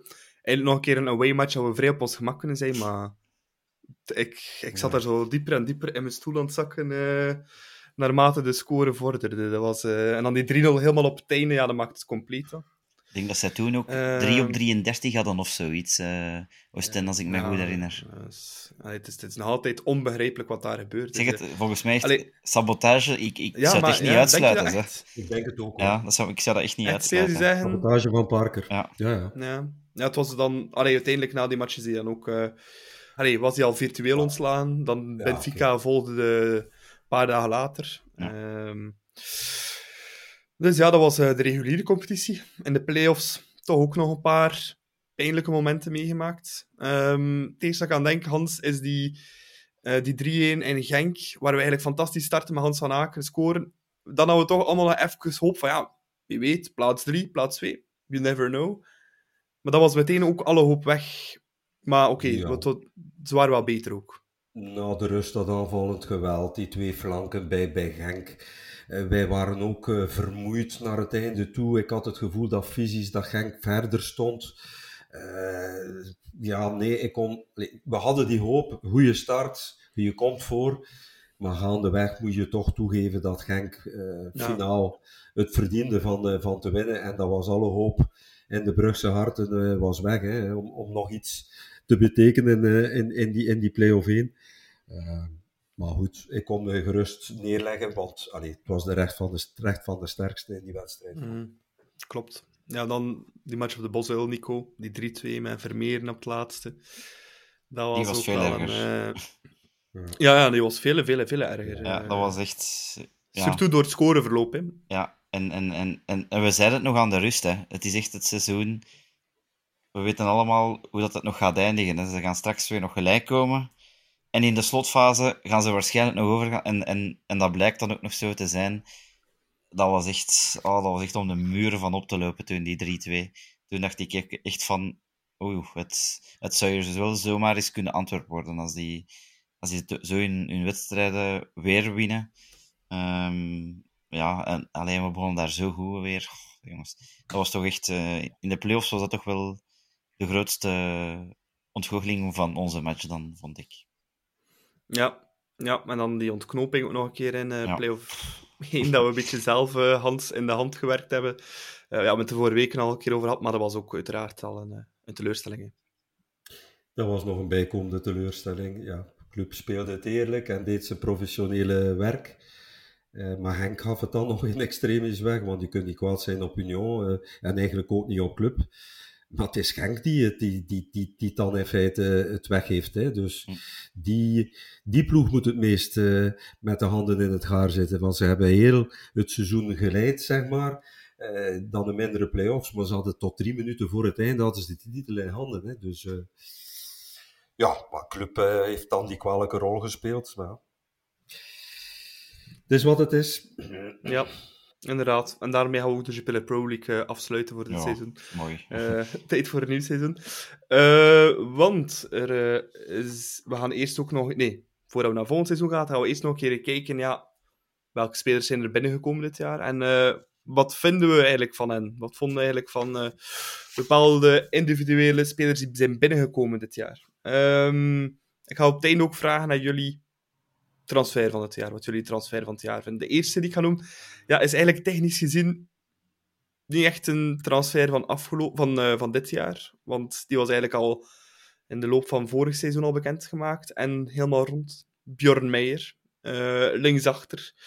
Uh, Nico, ja, ik denk dat we het unaniem over eens zijn dat die wel echt een fantastisch seizoen heeft gedaan en overperformed heeft van hetgeen dat we misschien wel hadden verwacht.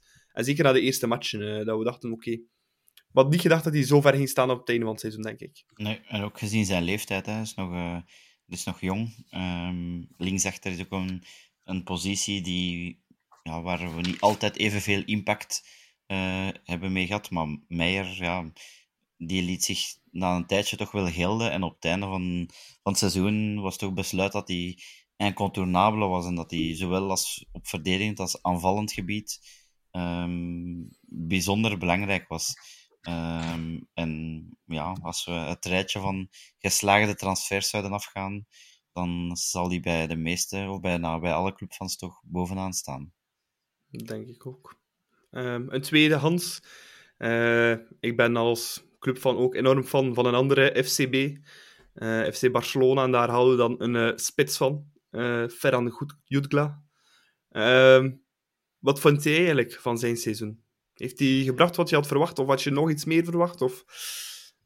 In het tussenseizoen speel, hij in, in, in elke wedstrijd. Dus, uh, en, en zijn eerste seizoenshelft voor het WK was, was best oké. Met voor mij zijn, zijn beste partij op Charleroi, waar hij uh, twee doelpunten scoort, geloof ik. Uh, echt op, waar hij echt tekenen toonde van, van een, een, een topspits te zijn. Maar ja, als je vanuit uh, Barcelona B, derde klasse, uh, overkomt naar een fysiek uh, veel eisende competitie als de Belgische, dan kon je wel ergens incalculeren dat hij een terugval zou kennen. En dat is ook gebleken. Maar als je nu vraagt, heeft hij gegeven wat, wat we van verwacht hadden? Dan zou ik zeggen voor het WK ja, naar het WK niet. Dus dan is hij kopje ondergegaan met, met de rest van de ploeg. Dus uh, ik geef Bjorn Meijer een 9 op 10 uh, en Jutekla 5,5 op 10. Ja, ik moet wel zeggen, uh, Jutekla, ik weet niet of dat een, een spits is eigenlijk voor, voor, voor onze competitie, Nico. Mm. Dat is eigenlijk mijn, mijn grootste vraag. Allee, ik denk dat het wel het type spits is dat in Nederland of in uh, Spanje zet hij bij een, een Osasuna of dergelijke. En ik denk dat hij er 15 of 20 op een seizoen wel binnen schiet. Ja. Um, maar ik vraag me af of dat hij dat fysiek voetbal van hier in België, wat hij ook ja, hier in België wordt eigenlijk meer opgeleid voor de competities à la Premier League, à la Bundesliga, waar het fysiek er veel sterker aan toe gaat dan ja, echt technisch verfijnd. Hè. Ja. Um, ik denk dat hij daar vooral heel veel last mee had. Ja, ik denk het ook wel. Dus, uh, als je, vooral zeg in de, in de play-offs vond ik dat dat erg duidelijk was. Um, tegen Antwerp, tegen een Alderwereld staan, tegen Union, tegen een Burgess staan. Uh, Genk uh, hebben daar ook van die grote mannen, een McKenzie en zo. Um, ja, en hij zal zijn goaltjes altijd wel maken, hebben we toen ook gezegd, tegen een Eupen, tegen, tegen andere ploegen, maar in de toppers, ehm, waar dat de verdedigers ook echt robuust en, en sterk zijn, heeft hij, toch, heeft hij toch moeilijk, vind ik. En, en je zag ook wel in de, in, de, in de Champions League, waar er ook meer ruimte is en meer, uh, meer, waar hij meer aan voetballen toe komt misschien.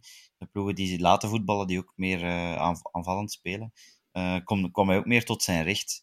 En nou, ik denk ook wel in de Belgische competitie zal hij toch wel ja, altijd een beetje, ik ga niet zeggen heel moeilijk hebben, maar ik denk nooit dat hem echt veel meer gaat uitblinken dan, uh, dan dat we nu gezien hebben, eerlijk gezegd.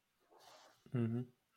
uh, een andere transfer, Hans, die met veel poespas is binnengekomen bij club, waar ook wat getouwtrek van was van andere Belgische ploegen, is Casper Nielsen. uiteindelijk niet naar A-agent gegaan, maar naar, naar club. Um, hoe evalueer je zijn seizoen? Ben we heel benieuwd. Ik had er meer van verwacht. Ik eh, dacht altijd dat dat de drijfveer was en, en de katalysator van het succes van Union.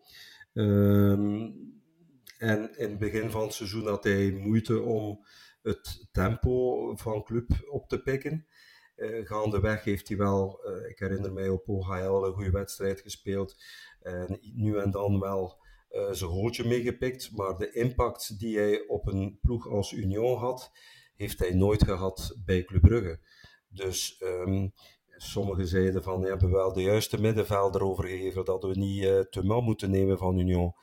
Dus ik ben ontgoocheld in uh, het seizoen van Casper Nielsen, had ook een aantal fysieke kwaaltjes. Um, maar ik had er meer van verwacht. Uh, um, ja, ik hoop dat hij, want hij is ook al, even spieken, ook al 29. Dus hij is ook niet meer van de jongste. Ik hoop dat hij volgend seizoen bewijst dat dat club wel degelijk de, de goede keuze heeft gemaakt. Tweede seizoen uh, kan uh, misschien beter zijn, maar ik ben wel op mijn honger blijven zitten wat de impact van Casper Nielsen op Club Brugge betreft. Ja. Um, ik ga een lans breken voor, voor Casper Nielsen. want ik volg je wel in, in, in spel, Hans, dat je zegt, in spel was hij niet mee, maar als je dan kijkt naar zijn statistieken, 9 goals, 2 assists, en vooral een big game player, vind ik. Um, twee goals tegen Antwerpen heb ik genoteerd, twee goals tegen Mauve, eentje tegen, tegen Cerkel. Het is wel iemand die op belangrijke momenten wel, ja, wel er gestaan heeft ook. En, en ook iemand is die, ja, het is wel een middenvelder die scoort. Hè. Als je dat vergelijkt met wat we in het verleden hebben gehad op die positie. Uh, ja, Ruud Vorm deed natuurlijk ook, maar... Ja, ik, ik vind dat er soms te... Hoe moet ik zeggen? Um, te zwaar gewichtig aan wordt gedaan aan Casper Nielsen zijn eerste seizoen. Ik vind het vrij geslaagd. En als ik er een cijfer op zou mogen plakken, zou ik er een 7 op 10 op plakken. Um, Nico denkt, kijkt bedenkelijk. Ja, nee, ik zou, hem ook, ik zou hem ook niet zoveel geven, eerlijk gezegd. Ja, ja ik, ik, ben wel fan van... Um... Ja, hij heeft natuurlijk minder spelen, alleen minder matchen ook gespeeld. En in, mede, in het samenspel niet altijd super, maar ja... Ja, maar wel is... van, van dat soort spelers. Ja, ik ook, maar het is juist daarom dat we, denk ik, dat we een beetje ontgoocheld zijn. Omdat we zijn stijl kennen en omdat we meer verwacht hadden dat hij een grotere impact ging hebben op ons middenveld. En dat er dat uiteindelijk niet echt kwam, buiten dan zijn goals die hij maakte. Maar puur in, in, in spel, in uh, ja, de grinta op middenveld was toch niet altijd wat we hoopten. Ook nog een keer vaak wat geblesseerd. Um, ja, Rits die, die hem dan ook uit de ploeg speelde. Um, ja, ik, ik, ik snap, ik ben ook wel fan van, van, van de stijl die hij heeft, maar juist omdat hij zo goed bij ons past, en dachten we allemaal dat hij een veel grotere impact zou hebben op, uh, op ons middenveld. En ook daarom vind ik het voorlopig een iets minder geslaagde transfer, omdat, ja, omdat ik er gewoon meer had van verwacht eigenlijk. -hmm. Oké, okay. daar kan ik uh, best mee leven, ook met die uh, commentaar. Een andere man dan, uh, Hans, is ja, een speler waar we, denk ik, unaniem heel zwaar in teleurgesteld zijn en heel veel meer van hadden verwacht. Uh, onze prestige-transfer, onze rode duivel, centraal van achter in de verdediging. Diderik Boyata. Ja. Wat kunnen we daarover ja. zeggen? Ja, Toby Alderweireld, Antwerpen, Jan Vertongen uh, naar Brussel. En ja, ik denk dat, dat ze in het bestuur dachten van laten we ook een rode duivel uh, in de verdediging uh, bij Club Brugge aanwerven. Maar eigenlijk moet je niet over het seizoen van Diederik Boyata spreken, want zijn waarde voor Club Brugge is niet heel gebleken. Ik las hier en daar dat hij toch wel wat invloed had op de kleedkamer en met zijn ervaring toch de, de jonge spelers best wel wat bijstond met raad en daad. Maar uh, sportief gezien is dit, uh, ik geloof dat hij 2 miljoen heeft gekost en nog eens een, een, een, een jaarsalaris van 3 miljoen ja, heeft meegegraaid. Dus dit is echt een, een heel slechte transfer. jammer fysiek was die jongen niet klaar eh, voor de Belgische competitie. Dus daar vind ik is uh, de scoutingcel en bij uitbreiding uh, de technische cel uh, is toch wel in de fout gegaan. Want het is gebleken dat hij fysisch niet oké was toen hij werd aangeworven. En het is nooit meer goed gekomen. Want vanaf zijn eerste wedstrijd herinner ik mij op Charleroi. Ik stond, of ik zat aan die zijkant waar Gert Verrijen en, en, en iemand van Telenet interviews deed. En daar was zijn dijbeen al omzwachteld tot en met zijn eerste minuten bij Club Brugge. Dus, uh, ja, nee. En hij gaat daar nog een keer onder een bal door uh, op Charleroi, ja. ik mij. Ja, in het begin. Ja, dat was een van zijn eerste acties. Uh, als, ik, als ik denk aan Boyata dit seizoen, is dat een moment... Mijn, mijn eerste indruk dat ik had daar op Charleroi. En dan was er die match tegen Oostende thuis, waar, hij, waar hij werd uitgefloten. wat we ook toen wel afgekeurd hebben. Um, maar waar, hij toch, ja, waar we toch liet zien van, uh, van wow, dit is echt niet de, de speler waar we op gehoopt hadden. Ja, Nico, ik herinner mezelf nog een uh, titel van uh, deze podcast. Een uh, fitte Boyata is een absolute beerwaarde voor dit club. van ergens vorige zomer. Wie heeft dat gezegd? Hopelijk was ik het ja. dat zou een keer moeten nagaan, ja. wie dat die uitspraak gedaan heeft. Ja. Maar uh, ja, dan kunnen we wel zeggen dat hij er knal naast zat. De, ja, een Fita Boyata hebben we wel nooit niet gezien, anderzijds. Hè. Dus nee, dat is ook waar. Wie weet dat een Fita Boyata het effectief kunnen zijn, maar ja. we gaan het er wat goed praten. maar nooit weten. Maar ja, het probleem is, Hans... Uh, ja, Boyata, ja, je raakt dat toch aan de straatstenen niet kwijt, die speler. Want ja, die zit met dat ho torenhoog loon. Die zit hier in België, zit hier goed op zijn gemak. Ja, en heeft nog twee of drie jaar contract. Dus alleen moet ik Boyata zijn, oké, ja, ik speel misschien niet meer, maar ik ben wel uh, financieel uh, wel een fantastische zaak. Dus uh, ik vraag me af of dat we die überhaupt nog gaan kwijtraken. Ik hoop dat ze dat contract kunnen in onderling overleg ontbinden, want ik denk, ik ben geen medisch specialist, maar ik weet niet of het überhaupt nog goed komt met, uh, wat is hij nu al, 32? Um, ja, zoiets. Ja, 32 jaar. Dus een recuperatievermogen uh, of herstelvermogen, revalidatievermogen is ook al heel, heel minder. Hij heeft een heel seizoen amper gespeeld. Marktwaarde is gekelderd. Ik, uh, gelijk bij ik zou het contract ontbinden. Ja, gelijk bij ja. ja. Um, een volgende speler. Uh, een verdedigende middenvelder. Ook met uh, veel trommelgeroffel binnengehaald. Ik denk ook een van de latere transfers uh, van vorige zomer. En dat was al een speler, Rafael Onyedika, Nico, waar ik wel echt direct van onder de indruk was. Ik herinner me dat die, die was stond ook op, in de ploeg op die 4-0 tegen Cirkel. Dat was dus de eerste match ook, denk ik. En ik dacht van, wauw. Ja. Wauw, wat een speler. direct alles naar voren. Uh, heel goed in de recuperatie ook. Maar het, is, het, heeft dan ook wel mindere periodes gekend. Hè? Ja, hij was inderdaad enorm, enorm sterk begonnen. En ik was ook wel toen echt onder de, onder de indruk. Omdat hij zowel verdedigend uh, heel sterk was, maar ook uh, in, in balbezit. Dat hij, dat hij toch wel de juiste keuzes maakte. Een goede pas in zijn voeten had. En effectief heeft hij dan ook wel een mindere periode gehad. Um, waar dat we toch ook dachten van, hmm, oei, wat is nu de Onyedika? Wat is nu zijn echte versie die hij, die hij is? Is dat diegene waarmee hij gestart is bij club, of is het nu de mindere versie? Maar daarna heeft hij zich wel terug herpakt, vind ik. En, en vind ik wel dat we, dat we hem bij de zeer geslaagde transfers mogen zetten. Ik heb er daar maar twee opgeschreven, dat is Meijer en, uh, zelf. Want bij mij zijn Jutgla en Nielsen de redelijke transfers, maar, iets meer, maar toch iets meer van verwacht. Maar Meijer en Onyedika zijn voor mij toch de twee uh, meest geslaagde transfers van het seizoen. Mm -hmm. um, volgende dan, Spits Hans, die maar een half seizoen bij ons heeft gezeten en het dan uh, ineens fantastisch deed in Spanje. Kyle Laren. Ja, zoals ik zei in heel het begin van deze podcast, hij had het te vroeg al een beetje verbrot. Hè? Maar ik denk, in die end hadden we misschien wel nog kunnen gebruiken de tweede seizoenshelft. Maar ja, dat weet je natuurlijk nooit op voorhand. Nee, ik herinner mij zijn doelpunt op uh, geloof ik, uh, die ja. 0-2. Um, maar voor de rest heel uh, ongelukkig in zijn acties. hij had, had, zoals je zegt, hij had het al verkorven bij het Brugse publiek.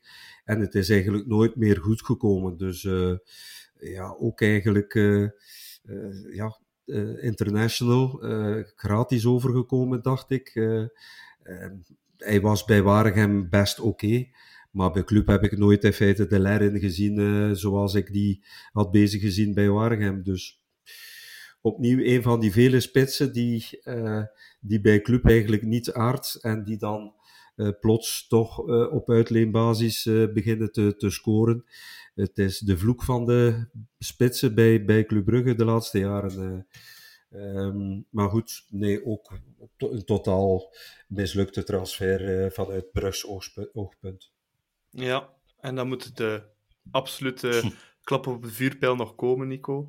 Onze toptransfer, 17 miljoen. Uh, van Benfica Lissabon overgekomen, Oekraïner. Je denkt, ja, dat gaat uh, ongelooflijk zijn. Die gaat hier de pannen van het tak spelen. En dan zit je met de spits met de grootste vertrouwenscrisis, denk ik dat ik bijna ooit heb gezien bij een, uh, bij een aanvaller. Uh, of toch bij Club Brugge alleszins. Uh, Roman Jaremchuk. Ja, Wat moeten we daarmee aanvangen? Want het is wel een vraag dat ik al echt elke week vraag hier op Instagram en op Twitter. Ja, wat is jullie stelling van de week? En elke week komen we terug, vraagt, ieder, vraagt, vraagt er wel een of een ander een. Wat doen we met Jaremchuk? Ja, begrijpelijk. Dat, is, dat is, het is, het grootste vraagteken dat er hangt ja. Rond ja, de. Het is, ook, het is ook moeilijk. Hè. Kijk, hetzelfde als bij Boyata van Jaremchuk, aan wie gaat die kunnen verpatsen?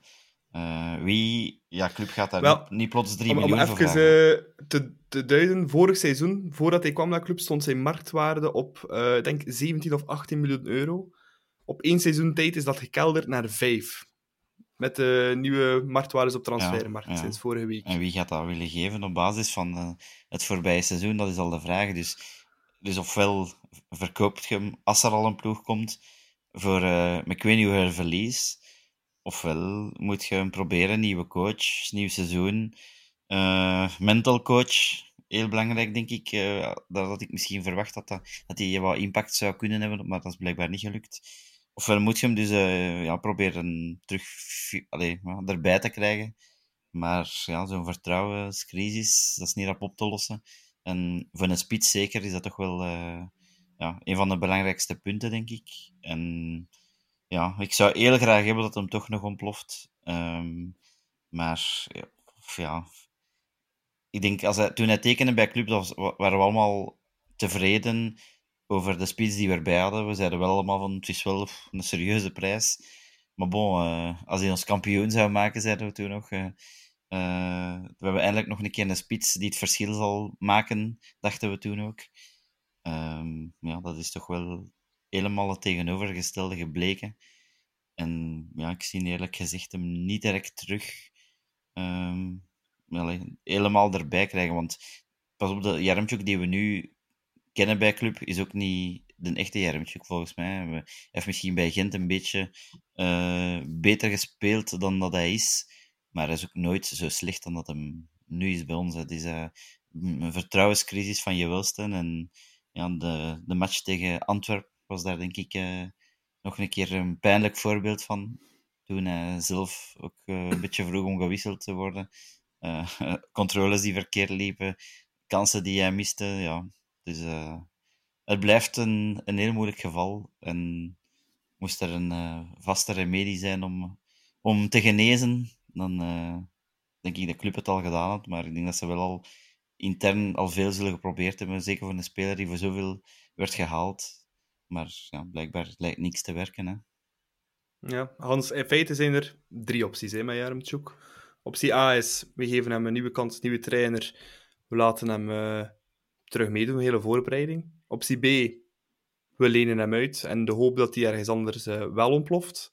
Optie C, we verkopen hem en we take our losses. Je bent het, stel je bent het bestuur van club, uh, welke van de drie opties ga je nemen? Ja, het is een moeilijke, maar ik denk dat optie A het zal worden hoor. Dus uh, met Ronnie Dela zitten we met een nieuwe coach. Jaremchuk is vorig seizoen op de allerlaatste uh, dag, transfer deadline day, bij ons gekomen. Heeft in feite die voorbereiding niet echt meegemaakt. Zat met die mentale knoop in zijn hoofd. Mm, situatie met zijn thuisland. ik denk dat ze zullen zeggen van kijk, we geven hem uh, nog uh, het volste vertrouwen om onder die nieuwe coach uh, terug de oude Jaremchuk te worden. Want die andere twee opties, uitlenen, ja, is, is een optie. Maar aan wie? En drie, om die nu te verpatsen aan vier of vijf miljoen. Want dit is denk ik nu wel de, de, de, de echte waarde van Jaremchuk na een non-seizoen. moet je dan 12 miljoen uh, moet je inderdaad je, je losse skutten en, en, en gewoon verder gaan en die kapitaalvernietiging uh, incasseren. Ik zou bij optie A blijven en hem uh, de volle steun geven onder een nieuwe coach, nieuwe elan, de volle voorbereiding en, en hopen dat hij die, mentale klik kan maken. En, en dan moet je gewoon evalueren met nieuwjaar als, als effectief blijkt dat hij blijft in datzelfde bedje ziek zijn dan moet je effectief, denk ik, iets drastischere maatregelen nemen. Maar nu geef ik hem nog, ondanks de mindere uh, eindwedstrijden op Antwerpen, of thuis tegen Antwerpen en, en op Kortrijk bijvoorbeeld, die, die torenhoge misser zie ik nog altijd voor de geest. Oh. moet, je, moet je hem toch eigenlijk nog die, die, die kans kunnen onder Ronnie delen. Ja. Dan nog twee laatste spelers, Nico, die ja, amper of niet hebben gespeeld bij club, wel gehaald zijn. Eentje was voor Next Joel Ordonez. En dan anderzijds hadden we nog een keeper, Joseph uh, Bursik. Ja. Uh, ja, daar kunnen wij nog niet veel over zeggen, nee, over die twee transfers. Nee, ik denk Ordonez heeft het niet slecht gedaan, denk ik, bij, bij Next. Bursik had ik misschien verwacht dat hij bij Next meteen onder de goal zou staan, omdat ik dacht, ja, Lammens gaat vertrekken. Dat was al duidelijk. Shinton had niet echt een denderend uh, seizoen tot dan gespeeld. Dus ik dacht dat Bursik wel in de goal ging staan. Maar hij heeft zich ook nog niet kunnen tonen. Ik heb nu een beetje gehoord dat beiden toch wel een beetje een aanpassingsperiode uh, nodig hebben, ook Bursik. Dus uh, ja, ik denk dat Ordonez dat hij wel nog een seizoen bij Next kan gebruiken. En dat zal ook wel het geval zijn, denk ik. Nou, bij Bursik weet ik niet of dat het nu uh, het plan is van hem te houden of niet. Er komt nog een voorbereiding aan met een nieuwe coach waar dat de tweede keeper sowieso altijd wel minu minuten krijgt. Dus ik denk dat ze hem dan wel zullen evalueren en uh, dat, het, dat ze dan de keuze zullen maken of dat er al dan niet een tweede keeper uh, zal nodig zijn. -hmm. Ja, uh, het is tijd om onze transfer van het jaar te kiezen. Om het jullie extra moeilijk te maken, zal ik wel zeggen dat je Björn Meijer niet mag kiezen, uh, omdat hij technisch gezien van het jaar ervoor is. Ehm, dus ja, Nico, wie is voor jou de transfer van het, van het seizoen? Ja, ik vind hem technisch gezien toch eigenlijk een transfer van dit seizoen. Hè. Ik, ik, ben niet akkoord met uw regel. Want hij, heeft eigenlijk alleen maar dit seizoen gespeeld. Uh, dus, maar ik heb het al gezegd, voor mij Meijer. En als ik, als ik dan toch uw regel zou moeten volgen, dan zeg ik op nummer 2 Onjedika. Ja, Hans, ja, je zou ook op één Meijer zetten, denk ik, net als mij. Maar ja, op twee dan? Ik had voor mezelf de spelers gequoteerd op 10 punten. En Bjorn Meijer stond bij mij met een 9 op 10 als diegene die mij het meest heeft verrast. En Rafa Onyedika kreeg van mij een 7,5 op 10. Dus uh, als ik dan kijk naar die andere transfers, uh, dan staat die ook dan na Bjorn Meijer uh, op nummer 1. Uh, dus ik was ook wel positief verrast door ja. Onyedika. Zeker in die eerste periode, ook Europees, blonk hij uit. Uh, ja, dus Onyedika dan uh, transfer van, van het jaar.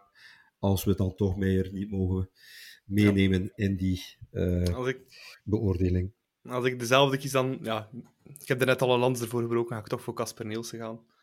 Uh, dus ja, omdat ik toch ja, uh, fan ben van hem. En dat hij op, in grote wedstrijden toch ja, vaak heel belangrijke goals heeft gemaakt. Dus, ja.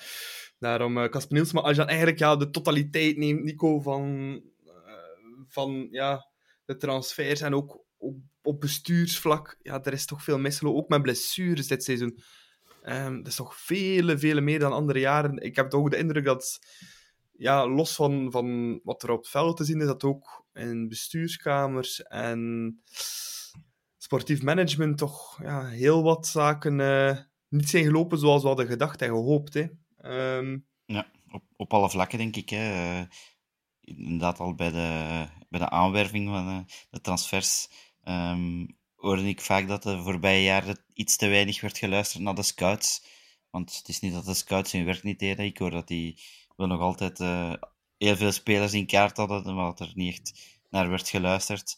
Um, anderzijds, inderdaad, de, de volledige ja, staf uh, op, op vele vlakken. De medische staf, die, waar er veel blessures altijd kwamen, die ook bleven duren, veel langer dan uh, dan voorbije jaren. Die kwamen ook geregeld terug door spelers misschien, zoals we al een keer zeiden, al dan niet te veel werden ingespoten, zoals we te horen kregen.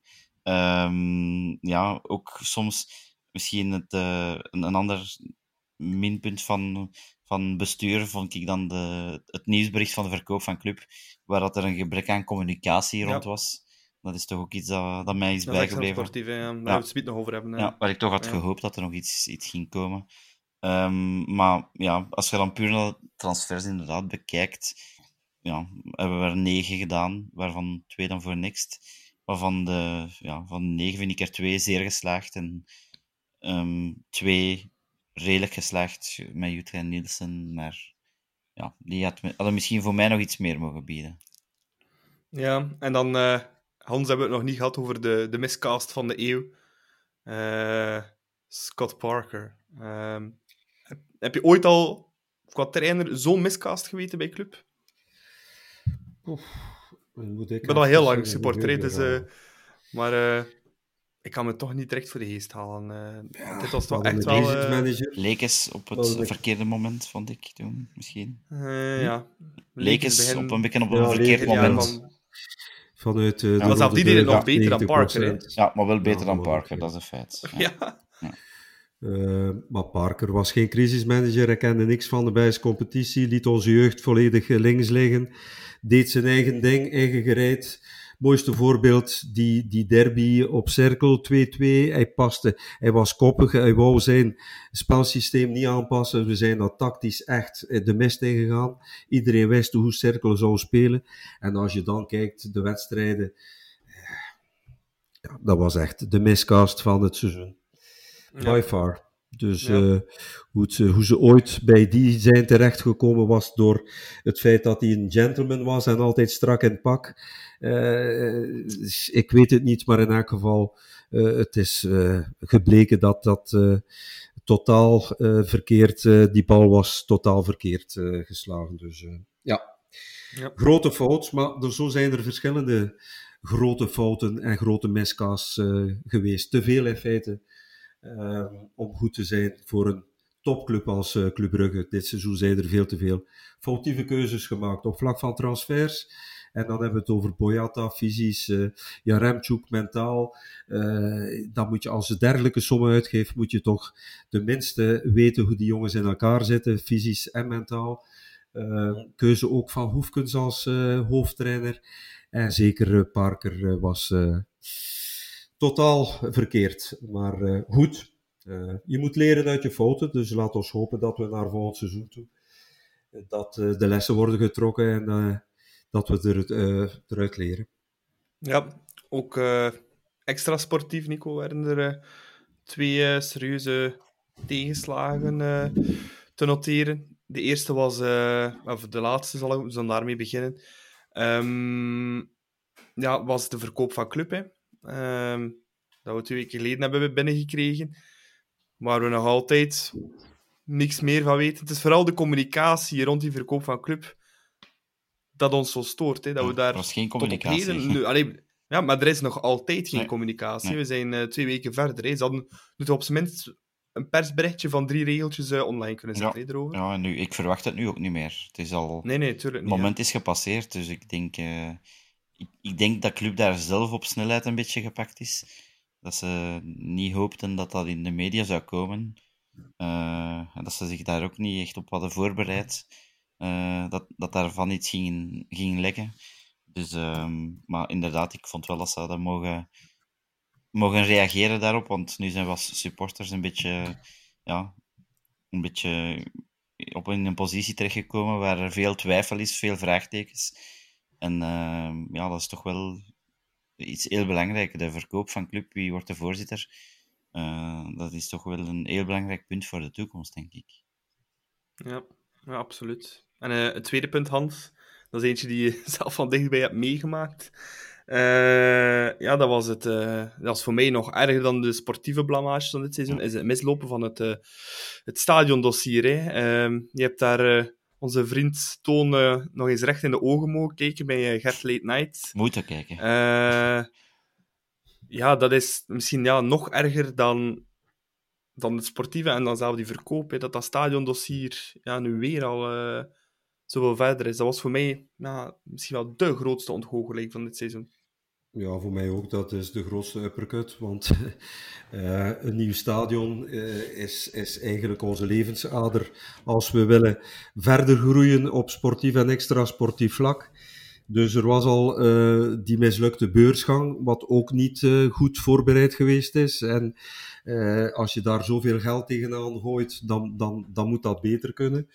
Ehm, en eh, het alcoholprobleem bij Vincent Mannaert, dat zijn ook zaken die negatief eigenlijk eh, hebben afgestraald op, eh, op, op het instituut Club Brugge. Maar het stadiondossier is by far de grootste uppercut en de grootste ontgoocheling op niet-sportief vlak, extra sportief vlak.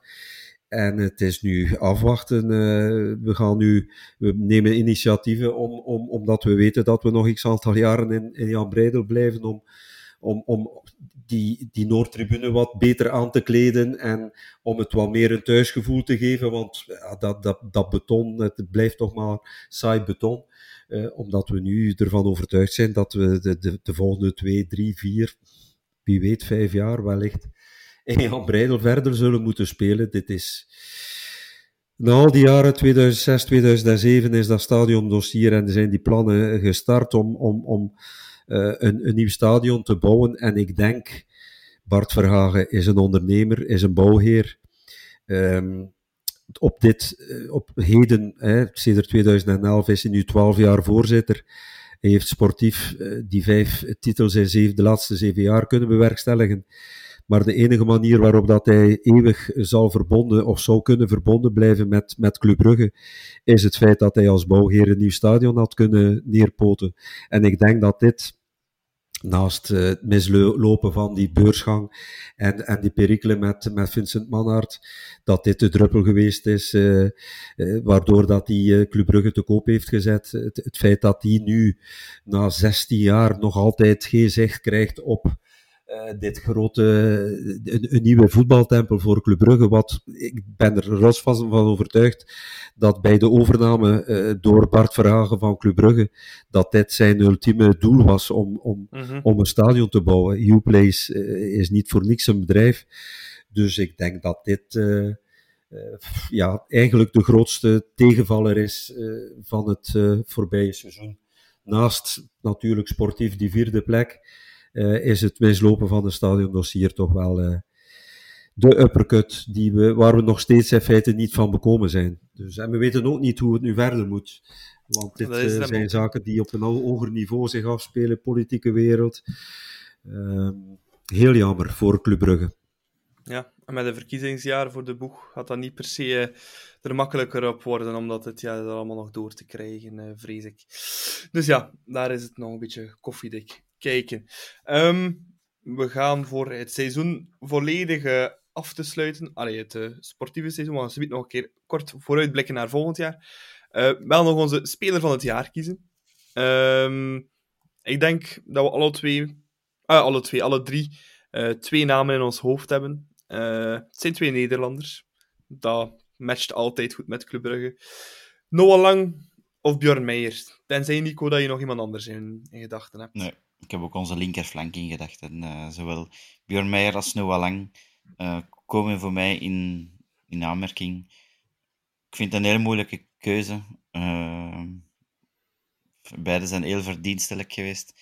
Meijer had ik als beste transfer, ook al mocht het technisch gezien van u niet. Maar ja, ik, twijfel nog om speler van het jaar. Ik denk dat ik hem... Ja, ik ga hem toch aan Meijer geven, denk ik. Ook al, Noah was, was wel sterk op, op vele momenten. Uh, werd vaak uitgejouwd, uh, maar trok ons dan toch geregeld over de streep. Maar ik vond bij Noah misschien iets te weinig um, goals of zo, om ons een keer door te trekken of zo, bijvoorbeeld. Uh, en Meijer vond ik toch wel heel constant, zeker gezien zijn, zijn leeftijd. Dus um, ja, een kleine voorsprong voor Meijer, wat mij betreft. Ja, Hans? Ja, over heel het seizoen bij mij de meest constante speler was Bjorn Meijer. Noah heeft mindere periodes gehad. Nu naar het einde toe was hij wel wat beter en heeft hij wel het verschil gemaakt in sommige wedstrijden. En dat is blijven hangen, denk ik, bij de Club Brugge supporter. Die heeft deelgenomen aan die enquête. Maar als je louter van op afstand over het hele seizoen uh, de prestatie van Bjorn Meijer afzet tegenover die van Noah Lang, dan denk ik dat uh, Bjorn Meijer uh, eigenlijk de terechte winnaar zou zijn van uh, de trofeespeler van het seizoen, dus voor mij Bjorn Meijer. Ja, en ik uh, sluit daar volledig bij aan. Uh, Bjorn, blauwe schoen. dit jaar toch. ja. Alleszins. Mignolet had ook wel in aanmerking kunnen komen natuurlijk met die fameuze Champions League campagne. Maar ja, die had natuurlijk, ja, heeft ook die gouden schoen gewonnen. Maar toch ook een paar steekjes nog laten vallen. Voor nieuwjaar wel. Dus, Na nieuwjaar vond ik... Ja, voor nieuwjaar absoluut. Maar, ja, en natuurlijk eind vorig seizoen daarop heeft hij ook die gouden schoen gewonnen, natuurlijk, Simon Mignonet. Dus, nee, Björn Meijer, blauwe schoen voor ons, maar Noah Lang, ja, zeer verdienstelijk. Tweede ja. plaats, dan zullen we maar zeggen. blijft de speler die tot de verbeelding doet, doet spreken bij momenten. Dat was het, dat was het seizoen 2022-2023. We gaan nog heel eventjes vooruitblikken op volgend seizoen, want dat komt er binnen zes, zeven weken alweer aan seizoen 23-24. Um, inkomende transfers. Dat is altijd een heel leuk topic, Nico. Jij en Matthias, zoals je zei, in het begin uh, zijn daar uh, zeer bedrijvig in. En uh, jullie zijn toch wel een beetje verwend geweest. Hè? Als ik het zo zie. Igor. Thiago is vandaag aangekondigd. Barbera ehm, komt er ook aan. Skoras is al getransfereerd. En we horen net dat Hugo Vetlezen ja. uh, op Wijnenbrugge is gespot. Dus dat ja, betekent dat hij uh, gaat tekenen ook. Hè. Ja, en als je ziet, het is, het is 12 juni. En uh, er gaan vier spelers al, al bij club getransfereerd zijn. dat is toch al niet slecht. Komt er ook nog een keer de Kuiper bij die, die terugkomt na zijn uitleenbeurt. Dus dat zijn toch wel vijf spelers die de kern zullen versterken. Um, natuurlijk, bij elke transfer zal het koffie die kijken zijn van uh, gaan ze het ook bij club doen. Uh, kijk naar, uh, naar Jaremchuk, waar we ook verwachtingen van hadden. Um, maar ik vind dat Thiago toch wel een, een, een leuk profiel heeft. ik, heb, ik hoor ook dat er dit seizoen, alleen nu na de blamage van de transfers, dat er toch wel meer wordt geluisterd naar de scouts. de versterkingen zijn, zijn uitvoerig gescout geweest, wordt ook goed doorgenomen worden geen zotte bedragen gegeven, um, maar allee, het zijn nog altijd stevige bedragen. Maar het is geen 16, 17 miljoen. En het zijn toch wel leuke profielen. En als je dat ziet, uh, ook wel de spelers die we, denk ik, wel gaan nodig hebben. En als je ziet dat we nog um, maar midden juni zijn en toch, toch al redelijk wat versterkingen, dan zijn ze toch wel actief bezig om uh, het huidige seizoen te doen vergeten. En volgend jaar hopelijk terug voor de prijzen te kunnen spelen. Ja. En iets heel leuk, uh, Hans, aan uh, Igor Thiago. Hij scoort tegen de hè. dat is al direct een, een pluspunt. Hè. ja, maar zolang of dat hij in zijn eerste wedstrijd niet scoort, is het oké. Okay. Ja, ik ga zeggen tegen Noah en Skof dat hij geen voorzetter naar mag trappen. Uh, geen paasjes naar Igor Thiago. Um, om misschien nog eventjes door te gaan op Hugo Vetleesen. Um, Nico, ja, wij zijn zo wel de mannen die, als er zo'n transfer aankomt, YouTube-filmpjes bij te bekijken. Wel zeggen, van vet lezen was ik echt onder de indruk. Ja. Ehm, het is een 10, kan ook op de 8, maar ehm, ja, links, rechts, beide heel goede vista, goed schot ook. Eh, en ja, een loop, loopt lekker zot. Dus eh dat denk ik, ja, dat past perfect. Hè. Ja, en, en wat mij plezier deed, dat ik, dat ik, was dat ik in die filmpjes ook wel tackles zag gebeuren. Dus het is niet voor mij ehm, de, ja, de stylist op de, op de tien. Het is misschien echt wel een box-to-box, die ook het, eh, het vuile werk niet vergeet. Ehm, want technisch hebben we genoeg gezien van hem in de filmpjes, zowel zijn passing als zijn afwerking. ehm, eh, hij heeft echt goede voeten. Maar ik zag toch in die filmpjes ook dat hij, dat zijn verdedigend werk niet vergeet. En dat is op de acht, eh, waar hij volgens mij toch wel voor gehaald wordt, eh, toch wel een belangrijke troef. Ehm, en ja, als ik hoor welke ploegen dat er ook allemaal achter zaten, en, en een Feyenoord bijvoorbeeld, die hem in, op, in zijn lijstje gezet had. Hij werd ook al een keer genoemd bij, bij ploegen als AC Milan en zo. Dus ehm, ja, ik hoor toch veel goede zaken. En natuurlijk, YouTube-filmpjes zijn soms een beetje misleidend. dat, dat weten we natuurlijk ook wel. Maar ehm, ja, het is toch wel... Hij heeft echt wel een hele mooie stijl. En eh, ik begin toch een beetje te dromen van, eh, van het middenveld, Onjedika, eh met Vet Lezen en Van Aken. Dat zou toch wel een, een mooi trio kunnen vormen, denk ik. Mhm. Hans eh, Skoras komt over van eh Lech Poznan. Was daar de meest waardevolle speler uit de Poolse competitie? Ik weet dat zegt niet veel, maar toch iets, hè? Maar ik denk dat we vooral eh, investeren in jongens met een goal voor doelpunten en assist. Die de Thiago speelde 32 wedstrijden, 15 doelpunten, 8 assists. Vet lezen speelde 121 wedstrijden voor Bodo Glimt, 32 doelpunten, 37 assists. En ook die Scoras eh, kent toch ook, heeft een, eh, een neus voor doel. Dus ik denk dat eh, we op dat vlak, eh, eh, vooral in het aanvallend compartiment, eh, hevig inzetten op eh, jongens met een beslissende actie. Dus, eh, en we hebben nood aan, aan, aan, aan nieuw bloed. Dus eh, ik, ik vind dat het voorbije seizoen was een seizoen van overschatting, van verzadiging na drie titeljaren.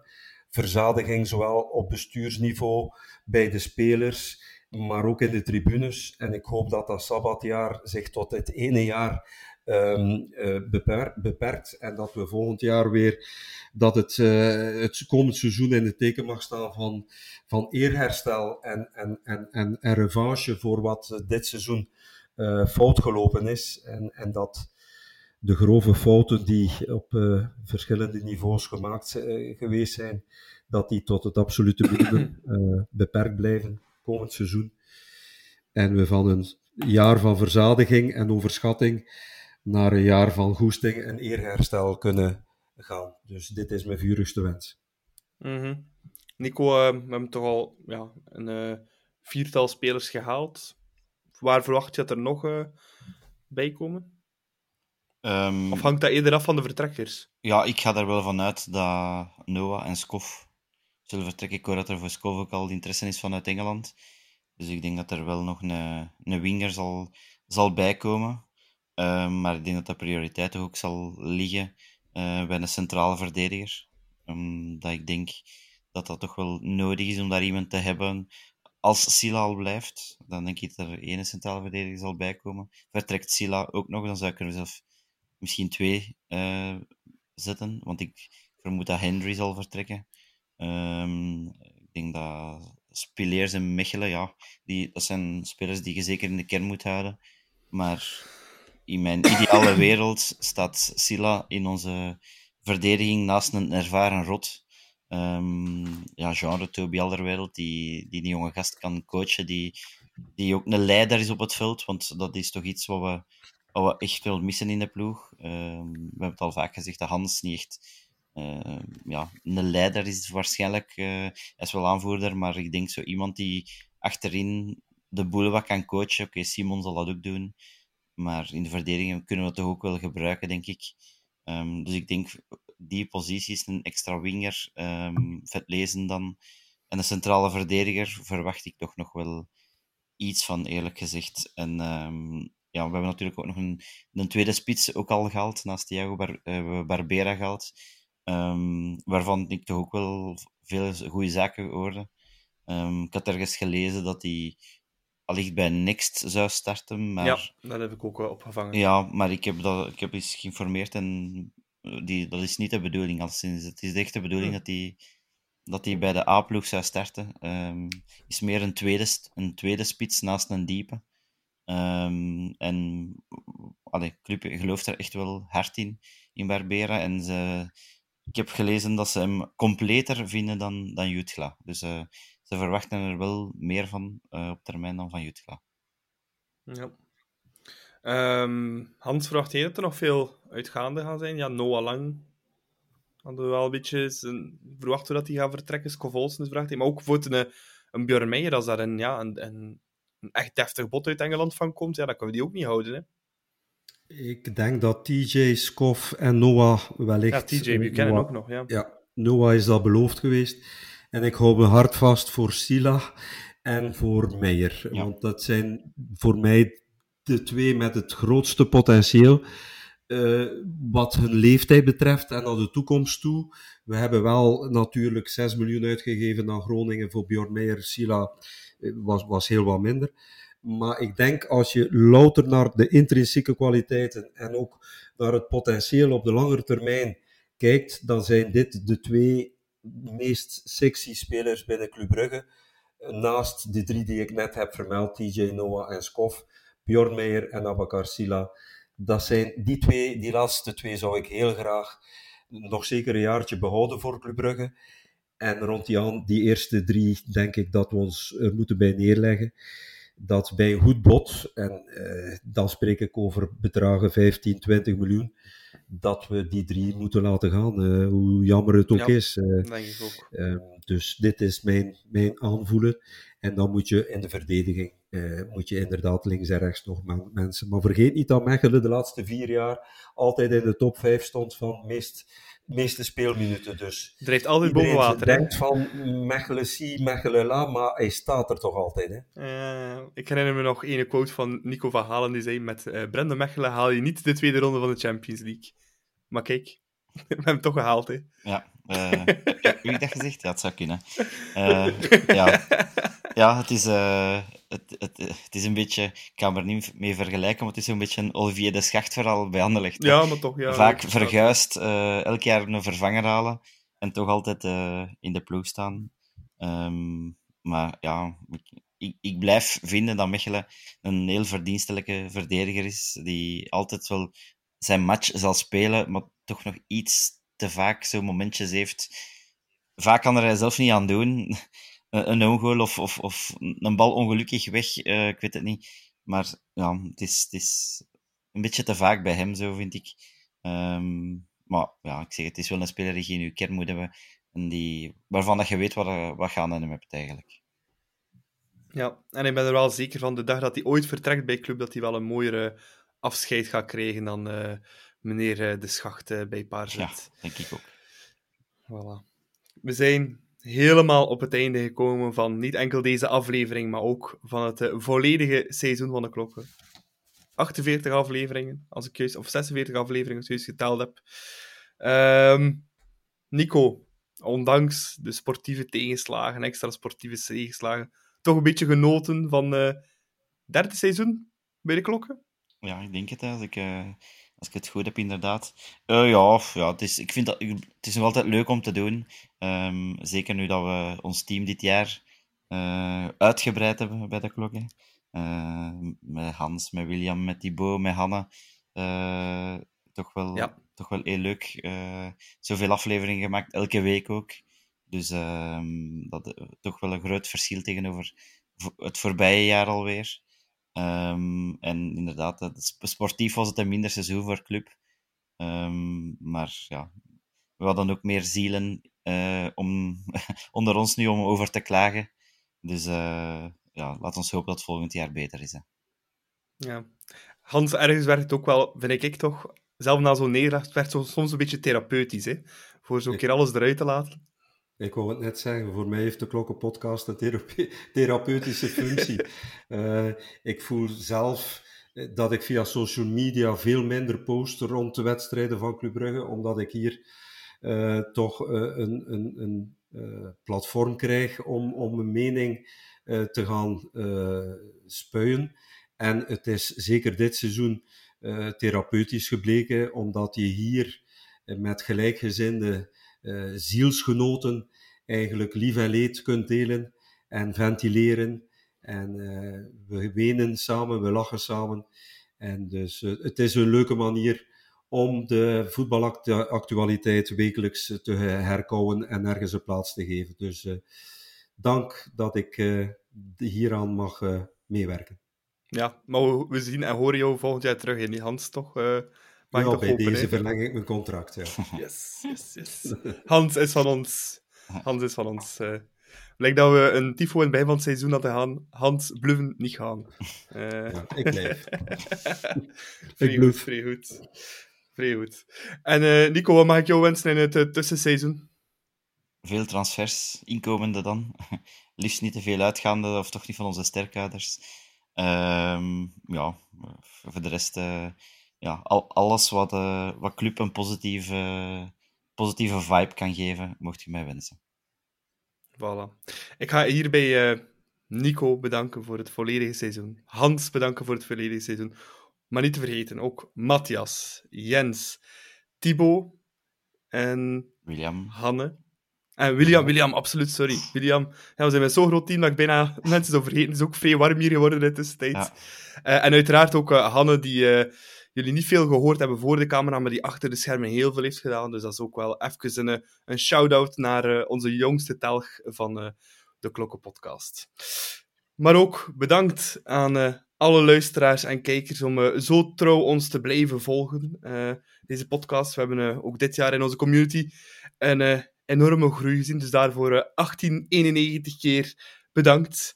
Um, en dan ja, is er maar één iets dat mij nog rest om te zeggen. Dat is, uh, vergeet ons zeker niet te volgen op uh, Twitter en Instagram. Uh, ja, houd zeker in de gaten nu in het tussenseizoen, want wie weet komen er wel nog enkele leuke verrassingen of aankondigingen op ehm, voor het komende seizoen. En dan, ja, dan zijn we er over een zes à zeven weken terug. Tot een volgend seizoen van De Klokken. Bedankt voor het luisteren meer eens iets vinden. Dat gebeurt ook meer eens iets. Eén keer trappen. Schitterend open. Sek helemaal vrij. En de parade van Mignolet. Oh, Simon Mignolet. En Sommel. En de Van Aken. Ja, de goal. De gelijkmaker van Club Brugge uitstekend uit de voetbal. Farina. Christian tegen de paal en binnen.